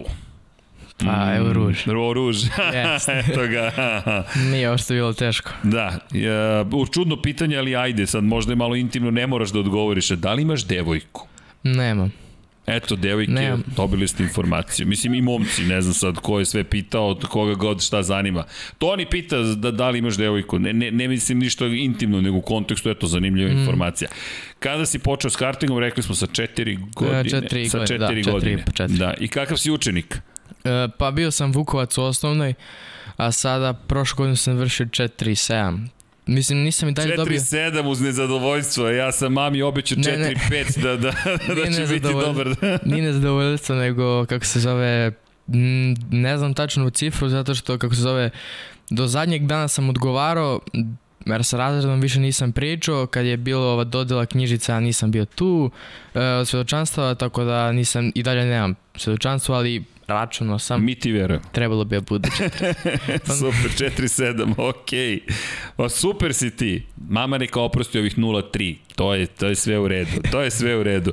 E, kakav je osjećaj, to smo podgovorili. Omiljena krivina, omiljeni vozači tim, rekao je Felipe Massa, to ima malo inspiracije Kaciga i Ferrari nekada bio, pa da to nekako tako ostalo. Da, da. Ima ovde dosta, već te obožavaju. Ko je ovaj Filip, o čemu se ovde radi Gunner Forever Till I Die? E, Gunner Forever Till You Die, Filip Jenić je vozač u španskom šampionatu Formule 4, momak sa ovih prostora koji se bori za svoje snove. Jedan od snova jeste ajde da ne ponavljam, ali možete zamisliti gde da, gde da vozi za koju godinu, nadamo se, i mi ga svi zajedno podržavamo u svemu tome. Tako da, eto, Dina smo spomenuli, Dino, Dino je momak koji vodi poreklo svojih prostora iz Bosne i Hercegovine, vozi za Švedsku, ti voziš, ti si rođen u Beču, ali voziš uh, pod zastavom Srbije. Da, da. Pa, nudili su mi da vozim za Austriju još kad sam bio manji, ali prosto to, to nije uopšte bilo na umu ni u, ni u jednom trenutku. Zato sam, mislim, zato sam i, zato smo, zato smo se i preselili ovde, jer pre osnovne škole prosto hteli smo da pokupimo odavde mentalitet i da se upoznam, jer tamo prosto, ne znam, to je toliko Drugačiji. To, a da, nije ni da kupiš neki austrijski mentalitet, to je toliko mentaliteta na jednom mestu. Prosto, hteli smo da dođemo ovamo, da se ovde školujemo i smatramo da ovde školovanje bar ono osnovno i srednje, možda i bolje nego tamo, jer znam, kad sam bio mali upoređujem sa starim drugarima iz vrtića kao šta oni rade, onda zaostaju dve godine, tako da... Ok, lepo i praktično. Pa da. Dobro, le, lepo je čuti u svakom slučaju, imaš ovde dve srpske zastave, da. tako da eto, da, inače iz Hrvatske, Bosne, Crne Gore, Makedonije, dakle kod da su vozači, mi, mi nama je to zanimljivo, prosto eh, postoji zajednica na ovim prostorima, da zovem Balkanom, ali možemo da pokažemo ono najbolje što dolazi sa ovih prostora i ti si jedan od tih ljudi. Inače, vidim da gledaš na sat. Ne, ne, gledam sad, zato što sam se potpuno izgubio sada. Koliko traje? Pa ne, meni odgovara meni. Svako nema mnogo obaveza kući. da. Inače, e, šta je predupravljanje, šta je podupravljanje? Pa pod upravljanje je kada vi skrećete, a bolid i dalje neće da skrene, nego da. nastavlja pravo. To vam je gore, uslovno rečeno, ste tada sigurno sporiji nego što bi trebalo da budete, a pre upravljanje kada bolid vi skrenete, a on krene nastavi da skreće još više. Da, mislim, ono gubi se zadnji kraj i onda mora, ne znam, zavisi od staze do staze. Nekada je bolje kad imaš pod upravljanje, zato što to možeš kočenje da kontrolišeš, a predupravljanje ne možeš. I još je dosta štetnije za zadnje gume, a tokom trke zadnje gume su zakon, jer na kraju zadnjih pet krugova onaj ko ima najbolje očuvane gume, taj će da se probije napred ponovo, jer do, sa, do zadnjeg kruga ništa nije izgubljeno, jer znam, možda sam vam i taj video poslao iz Portimao, zadnji krug, pa sam obišao sa spoljne strane dvojicu, jer dobio sam poruku jedno 5-6 krugova pred kraj, kao brži si od njega možda da ga stigneš, ali nekako imao sam osjećaj da već vidim kako tu koči, kako se zove, blokiraju mu točku i vamo gubi kontrolu i vidim, a meni sve kako treba, međutim ne mogu neko da ga stignem, baš čudan osjećaj, ali ja sam mu rekao, O ne, bez brige, kao ja ću da ga stignem 100%. Ne znam, prosto sam imao osjećaj, čuo sam ga za kraj jer vidim, on hoće od mene da pobegne, a ne može, troši gume, a i ovi ispred polako padaju. I na kraju oni se bore vamo tamo i imao se najbolje gume za kraj u posljednjem krugu. Obišao za sedmo mesto, tako nešto. Tako da, prosto, zavisi od staze do staze. Preupravljanje, yes. na primjer, u Herezu je bolje, jer ima dosta dugih krivina i tu ne želiš da imaš Uh, ne, ne, ne, ne, šta sam rekao? Znači, nekad je bolje da imaš uh, Podupravljanje, understeer. Da, da, understeer, zato što ako imaš dugu krivinu, to i neko i kontrolišeš, ali ovako, ako imaš oversteer, to je to, gubiš kontrolu, dereš gume, loš izlaz, tako da... A kad je bolje da imaš oversteer? Pa u takvim situacijama, kada su malo brže krivine, ali ne, naravno ne puno, ali... Aha, a ali kada je bolje da imaš understeer? Uh, Ja, šta sad ja pričam? Ja, ne, ja opusti se. Idemo znači... dalje. opusti, vratit ćemo se na ovo. Inače, Mateo Lovrić, pozdrav za Mateja, pita koji si u, u plasmanu 16. je Filip i imao jedno pobjedničko postolje u, da ja ne pomenem, debitanskoj sezoni. Uh, David Opačić, inače, ne, nije Paypal, mislio sam kako da planiram da napravim Community Lab 76, aha, David Opačić, inače, mi imamo naš stanje da napravimo tim u Moto3 šampionatu sveta, kao mm -hmm. zajednica praktično, šta to znači? Da ne moramo da se oslanimo na jednog ili dva velika sponzora, nego kao zajednica, malim, za, evo, ideja je sledeća, na primjer, za, za pola miliona evra je potrebno godišnje za Moto3 šampionat mm -hmm. sveta. 10.000 ljudi puta 5 je 50.000. 10.000 ljudi puta 50 godišnje eura. Dakle, 4 evra da 10.000 ljudi izdvoji mesečno, ti dobiješ odjednom budžet. Da. To je potpuno drugačiji princip od svega što se radi i to je zasnovano na ideji Green Bay Packersa u američkom futbolu, mm -hmm. gde su navijači vlasnici kluba. I onda je ideal sledeći, 10.000 ljudi sa ovih prostora da da 4 evra svakog meseca da bismo napravili tim. Mm -hmm. I onda ne zavisiš od velikog sponzora. Da. Ali ako dobiješ velikog sponzora, odskačeš još više, možeš da priuštiš najbolje inženjere, da, najbolje da. mehaničare itd. itd. itd. Fascinantna ideja. Pa, reci. To, je, to, to, to niko ne radi i naravno, pošto niko ne radi, mi samim tim volimo te Ideja stvari. Ideja deluje u isto vreme prosto, ali u isto vreme ima... Kompleksna je. Da, da. Jednostavna, ali, ali, ali kompleksna. Da, da. To ono, kada razmišljaš kako bi mi milion ljudi dalo po jedan euro, a ti imam milion. Tako je. To je, to je bukvalno ta ideja. I onda imaš zajednicu u suštini gde zajednica stoji za neke ideje, ideala i za nekog projekta i na drugi način možemo da se bavimo. Jer onda je mnogo veća potencijalna održivost u smislu da čak i ako odustane hiljadu ljudi, možda će nekih novih hiljadu ljudi doći i reći, ej čekaj, ajmo da vidimo da li ovo može da izdrži, da. a ne tražiš ni od koga da troši više od 4 evra mesečno De, to je pola Netflix mesečnoj pretplati. Na primjer, ili to ti je, na primjer, ne znam, tri kafe mesečno. Na primjer, platite tri kafe, ali nisu tri kafe, nego idu u formiranje tima. Tako da to, hvala Davide, to je ta ideja, ne bukvalno Paypal. Hvala, moja greška. E, pitanje je da li njegov odnos isti ko e, puno sreće, uspeh i zdravlje, samo da da li vozi sim racing ili igru neku trkačku, to smo, da li vodiš i zabave možda, ali vežbu smo rekli, a Seto Corse. Da, da, a i zabave Formula 1, ali imam 2020, zato što još nisam imao vremena da kupim ovu noviju igricu, tako da ću vjerojatno kupim i konzolu i igricu za neki određeni period, tako da... Ali da, i zabave s prijateljima, povežemo se, igramo. Da, e, inače... E, Evo, tu Fontino Beganović iz Bosne, tačnije iz Zenice. Da, da Dino jeste bukvalno iz Bosne i Hercegovine, a, samo što vozi po u, pre, kako se odvele, da. da u Švedsku, vozi pod zastavom Švedske, ja mi da sad ne, ne znam sve detalje, ali mi ćemo pričati sa Dinom, mi, to je nevažno, mi Dina gledamo kao jednog ozbiljnog momka koji vozi i predstavlja takođe i ovaj region. Prosto mi to tako posmatramo, nije to samo pitanje zastave, to je pitanje nekako zajedničke kulture, sličnih jezika, gotovo identičnih i, i prosto nečega što, šta nas vezuje ljubav prema automotosportu. Ne, ne idem dalje od toga, nego prosto gledam to na način gdje volite automotosport i se razumemo, super, ajmo da idemo da pratimo trke da uživamo onome što nam pružuje Formula 1 i MotoGP. Možda zvuči idealistički, ali zašto da ne? A, inače, Amir ti poruči da dođeš kod mene na treningi za Formulu 1 2021. To je šala, veruj mi, ne mogu da pogodim stazu. Tako da trenutno to je samo jedna šala, je ovako interna, ali okej. Okay. E, puno sreće ti svi žele, žele i Tako. Hvala svima, da. Da, u svakom slučaju, ja se nadam da ste, da ste uživali evo, trajimo već nekih dva sata neočekivano, planili smo sat vremena kao i onda za uvijek ti se otvori neka tema, nešto se desi, nešto se pogodi. Filipe, šta da ti kažem, mnogo ti hvala, da držimo ti palče, želimo ti uspeh, nadamo se da ćemo nastaviti da komuniciramo kada dođe vreme za neke nove informacije, neke nove vesti, tu je cela ekipa, rado ćemo pričati o tome, nadamo se da, da će biti prilike da se sretnemo negde i u, na sve, negde u svetu, kao i sa Dinom, kao i sa ostalim momcima i devojkama sa ovih prostora. Ima tu još dosta vozača koje mi imamo na spisku, pa idemo jedno po jedno, javljamo se i, i nadamo se da ćemo uživati i držimo palčeve.